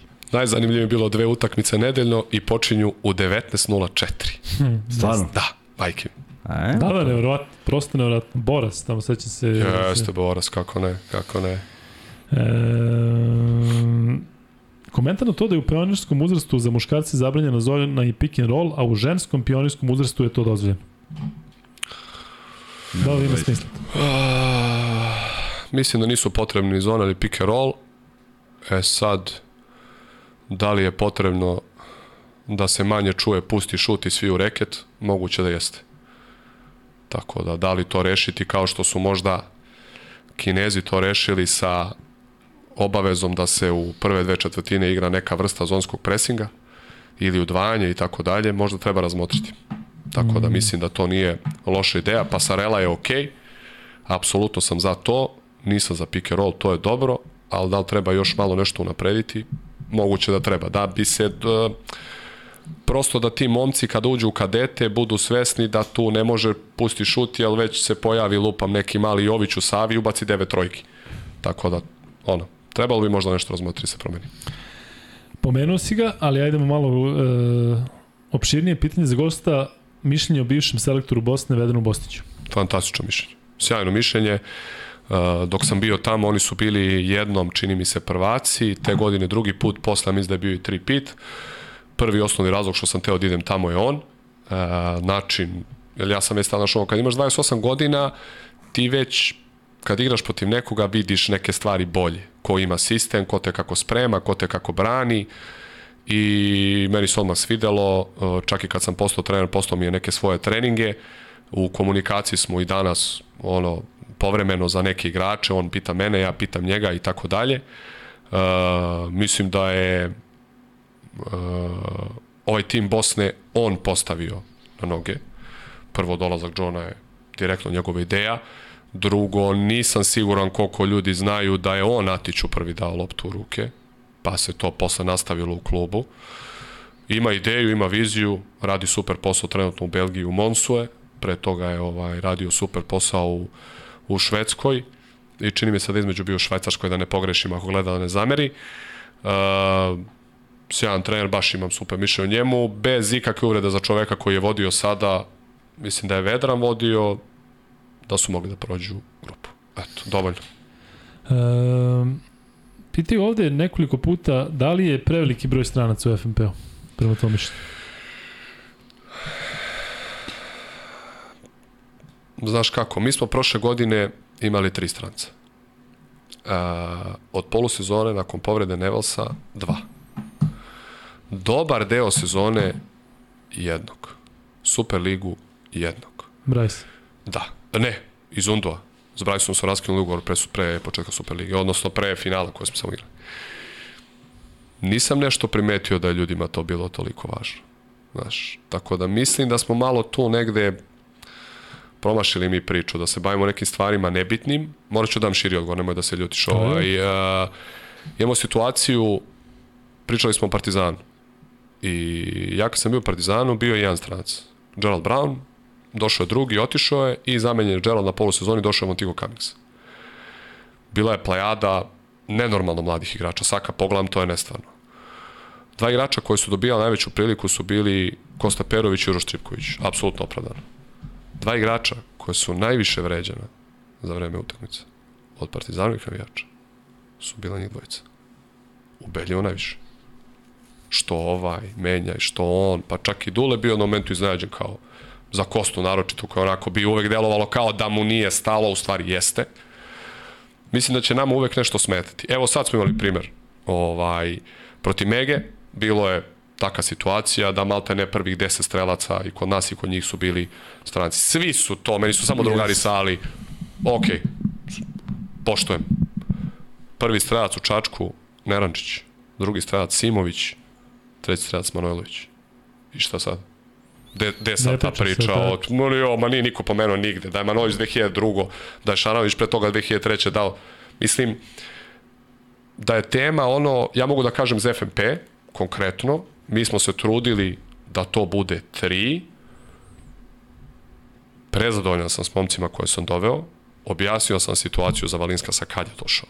Znači, potpisan je igrač Srbin, raskinuli smo ugovor iz opravdanih razloga, nije došao, otišao je Tasić, nismo našli zamenu na četiri koja je drugačija od Stepanovića ili nešto, na, i eto, to je to.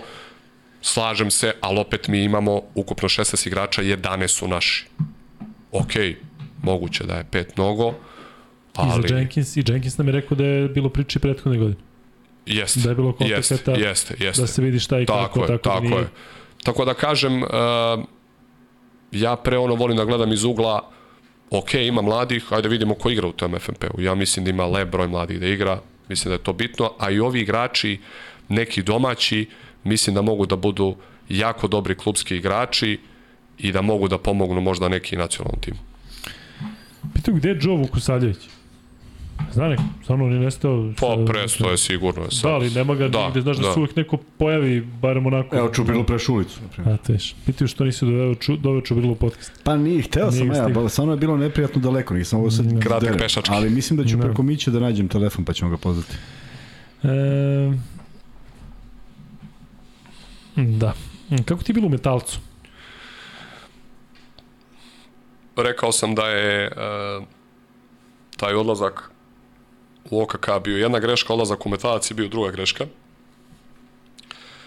Nema nikakve veze sa klubom. Uh, svi su bili tamo pre meni super i dobronamerni. Ja sam posle te godine u borcu koja mi je bila najbolja u karijeri imao želju da u inostranstvo. Uh, pre toga sam bio u Poljskoj uh, polusezonu i tad je usledila ona prva od ekonomskih kriza mnogih koje su nas zadesile, onda sam ja u toj nekoj situaciji na kraju ispalo da sam bolju ponudu dobio od metalca nego od nekog kluba iz Austrije ili Nemačke, što je stvarno bilo fascinantno, ali tako je bilo. I ja sam to onako pristao da tamo Stepi je bio trener, on je došao tamo, što mi je kao bila neka, eto, ajde, znaš, ono, znaš ko koga ideš, ko će ti trenera i tako dalje, ali napravio sam veliku grešku, jer, ono, nisam, nisam bio ni dovoljno motivisan, uh, igrali smo tu neku balkansku ligu, to mi je bio izazov, koja je tada ono bila par godina se ona popularizovala i tako dalje i na polusezoni sam posle prešao u Radnički iz Kragujevca koji igra ABA ligu, ali mislim da je ta sezona u mnogome odredila moju dalju karijeru, da ne ode u nekom smeru posle tog borca, možda bolje, a možda i ne bi. Tako da oni što kažu, ono, znaš, uglavnom ne bi ništa promenio, ja bi promenio baš dosta. E, hoćemo da završamo lagano? Hm? Pa mislim da je vreme. A, Vanja. A? Mislim, delo je sad Da, ovako, da, da. ne, delo je neobično, samo si odjednom to rekao, ali Da, pa... Mi smo ne- prešli ne- tri sata. kažem- Ja sam iznenađen koliko ima pitanja, baš sam ovaj... Ne, ne, ne bi verovao koliko ima pitanja. E, ajde, evo, hoćemo za kraj. Ja i ti, Kuzma, po jedno. šta Imaš je ti neko? po jedno? Češ neko pitanje Ne, prosto za ne, kraj? ne. Nemaš. Daj nekoga, daj neko interesantno pitanje. Koji su ti, koji su ti ambicije trenerske? Znam da, će, da je sada sve vezano za FNP, ali nekako da kada gledaš reprezentaciju mlađe kategorije, da li ti to recimo privlači?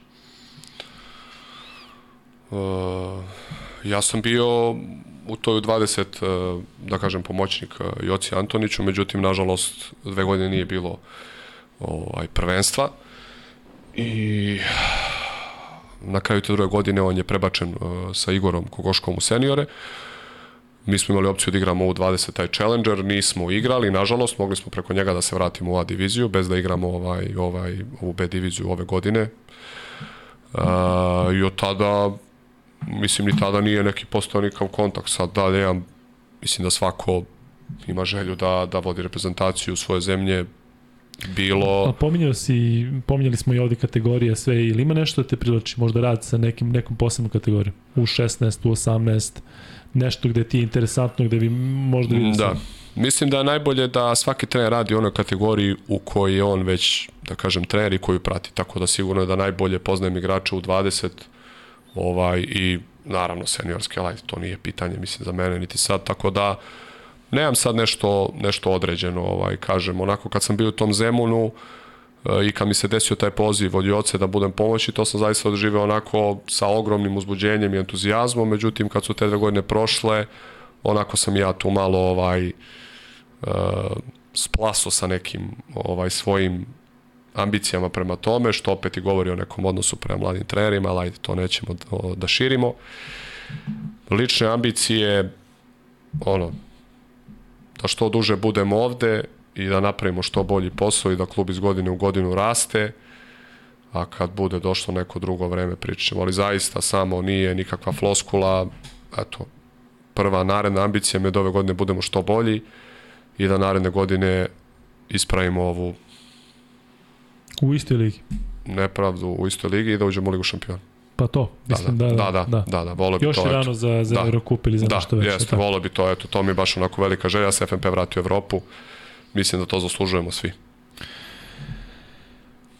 Kuzma, Mogu kažem šta bi ja volao. ne, samo da ja prvo kažem da ti je Leksa rekao da ti se zahvali, da te pohvali da si mu mahnuo danas u pioniru. Kako da nisam? Je Leksa, znao da je Četiri, Leksa? četiri čoveka su se javljala različitim porukama, samo nisam imao naočare. I ja pročitam i vidim sliku, slikaju mene. I ja pogledam gde je i vidiš iz gomila. Tako da je bilo odlično, da. E, sad imam jednu molbu. Ajde. Sorry, šta bi ja volao? Imamo 7994 pratilaca. I ostaćemo u programu dok ne dođemo do 8000. Si lud. Što se ja nadam da će biti za minut. Mislim, ako me neko prati uopšte. Dakle, baš bi bilo lepo da uživo pređemo 8000. I da Ajde, proslavimo sa našim... Klik, klik sa ćete našim to, klik ćete to... da proslavimo... Evo ga, 7995, pazi kako radi. Eto vidiš. A to stvarno ide, kojim tam to ide? Kako to ide? A? Pa izlazi mi sutra tek. Pa kojim tempom? Ne, ne, nego tipa sad dok mi imamo podcast ti gledaš i non stop se Evo sad sam povećamo. uključio, da. A koliko je recimo bilo pre podcasta? 7975. Aha, znači... O, svaka cel- čast, Da. super. Um, kako je tebi bilo, Nenade? Ima još kod nas? Meni je bilo super, stvarno, baš ne bih da rekao, ne kad sam, kad sam kretao, rekao sam ljudi, bre, sutra imam trening, ono da ste normalni, ali baš lepo, opušteno, prijatno i ovaj, stvarno sam uživao. 7997. A, to če- Čekamo, evo ja sad ću Ne, da ne, do, dugoročim, ali, ali, Meni je ali baš ovaj- lepo. misliš o... Da, kao, čekaj, a u Švedskoj, se sećaš u Švedskoj kada je bilo? Sjećam i Parkiću se Da. Sećam se kafe od 450 dinara. Da. Toga se seća. 8001, ej, pa je, jel, ko ima, ko ima ovakve pratioce? Bacati bre. Pa ko ima ovakve pratioce? To je zbog gosta, to je zbog gosta. Jeste, 8000. Jeste, zbog gosta. A, inače da ti kažem, za ovaj kraj sada, da smo zaista dobili, mi smo objavili da dolaziš i neverovatno veliki broj pozitivnih reakcija, što nekih tvojih kolega, što nekih ljudi koji ne žele više da se priča o dva, tri kluba, nego da se priča o nečem drugom. Aj, predlagali su te da znaš ovako tako kada da, mi kažemo i kad mi kažemo koga biste volili. gosti, da. Tako da je sve se uklopilo da, ja sam to objavio negde oko 11-12 sati i zaista veliki broj poruka, prava stvar, prava stvar, a da znaš ono, baš zbog toga, iz ovog razloga, iz ovih 3 sata nismo želeli da da dođete zajedno. Tako da mi još draže što, što si došao sam. Da, mnogo je bolje ovako, zaista, ali nisi svesna koliko još pitanja ima. Dakle, mogli bi da pričamo bukvalno satima i o Žigiranoviću i o svemu i svačemu, kažem ti o bivšim igri sa igračima, klubovima, planovima, sadašnjim igračima, nekim detaljima, ali jednostavno uh, moram da pohvalim zaista i ovu našu zajednicu, ovaj community, zato što ljudi sve. Svaka čast, stvarno, odmah, svaka odmah čast. javi. Čim, čim pitam evo Joe Kusavljević, odmah javi da je Joe Kusavljević. Sve, kažem ti, Znaš prosto koliko sad imamo? Svaka čast. 8012. 8006. Eto. E, ali genijalno je zato Onda što... pozivaj non stop, znaš. Zato što su to ljudi stvarno ovaj, slika i sad ja ne mogu da, da ukačim ko je. I evo ga jedan. Evo ga minut kasnije, drugi, ja pogledam, evo ga on. Tako da je, kako bih ti rekao, mislim da, da je ovaj, e, nije ono samo kao mi pričamo nešto o košaci, nego se oni svi osjećaju Jest. delom ove Super priče. je ovo što ima pitanja, mislim, Jer, baš je, jer to je radili smo da bi imali A, interakciju, da bi ljudi zaista bili deo ovoga, da kad on pita, stvarno pita tebe, ne da mi sad Jest. nešto prenosimo ili snimamo. I ima mnogo ljudi koji znaju nešto što mi ne znam. Evo, Jest. ovi iz Žarkova sad ta generacija Jest. se igrač. Dakle, znači, Super, super, to je sjajno, jeste. Tako da, ništa, to Ali je moramo to. završiti. Da, hoćeš da čekamo do 9000 pratilaca, da sad kažemo ajde. ja? Devet je već malo preterano, ali... A onaj da Marko Rakić što si mu dao, ono je isto igrač iz Viteza. Eto. To ti nisam rekao. Hvala Jel vam tako? puno, da, da, hvala vam puno na pozivu. Baš mi je bilo lepo i eto, ovaj ako bude prilike neke, kad nama prođe neko vreme ponovo. te sigurno ponovo i ja E, se nadam da... želimo da... Ti, da, želimo ti sreću. I želimo ti uspeh i želimo da to bude motiv, ne ono kao mi smo te pozvali sad da bi se družili, nego da zaista postoji motiv, jer nema ništa lepše nego kad pričaš o nekim je. uspesima, tako da izvini što te prekinuo nešto. Ništa, ništa, ne, ba, teo sam ja da odivim, ali evo sad si ti, tako da... Ovaj, Ne, aj sad nastavi. E, samo nešto. Borit ćemo se i dobrodošli ste u Železnika go želite, a budete naši hvala puno gosti. I, e, To je- Jenkins je pozvao, da, Jenkins Jeste, je pozvao e, dobro, navijače, tako da ovaj biće. E, I danas je bio pioniru. Danas je bio Znam. i slikali su. Da, da, doveo je i Vujčića i Vukovića. E, Pitanje za mene. U četvrtak radimo kad? Ne znam. Ne znamo, zato što Zvezda igra u 7. U 7 igra Zvezda. Pa da, ja mislim da igra u 7. Pa znači ja napuštam pionir u 10, A ja možemo u mislim da 10 radim- 30. A šta ti radiš? Pa ne znam, mislim da možda radim neku Euroligu ili ne radim. Ne znam. Ali u svakom Javit ćemo, možda ćemo javiti, studio. Da, ali Biće radit ćemo i studio. četvrtak zvezde, posle zvezde. Kad god da radimo, Nismo uopšte radimo. najavili Panathinaikos. Pa ne može, nema vremena. Da. Nismo ništa, Jesmo malo ali smo pričali, malo smo pričali. Malo smo Da, pričali, smo da, se raspadamo. Malo Da. ovaj, ne, Ne, ne, žao, de, i da, da je to je, to, da, je to gotovo, završeno. četvrtak posle Zvezde odjavljamo Zvezdu i najavljamo Partizan, a petak posle Partizana i posle 99 yardi odjavljamo Partizan. Tako da sve ono ide prirodno. Ništa drugari, vidimo se, Nenade, tebi hvala još jednom i zaista ti najiskrenije želimo sve najbolje i privatno i profesionalno i da sledeći put kad dođeš da pričamo o tim nekim stvarima koje, koje ipak se nisu ostvarile, da bude onako Evropa i da bude jaka Evropa i taj povratak u Evropu. Kuzma, to je Hvala. to. To je to, nešto hvala ti. Hvala vama. Sreće, vidimo se. Vidimo se.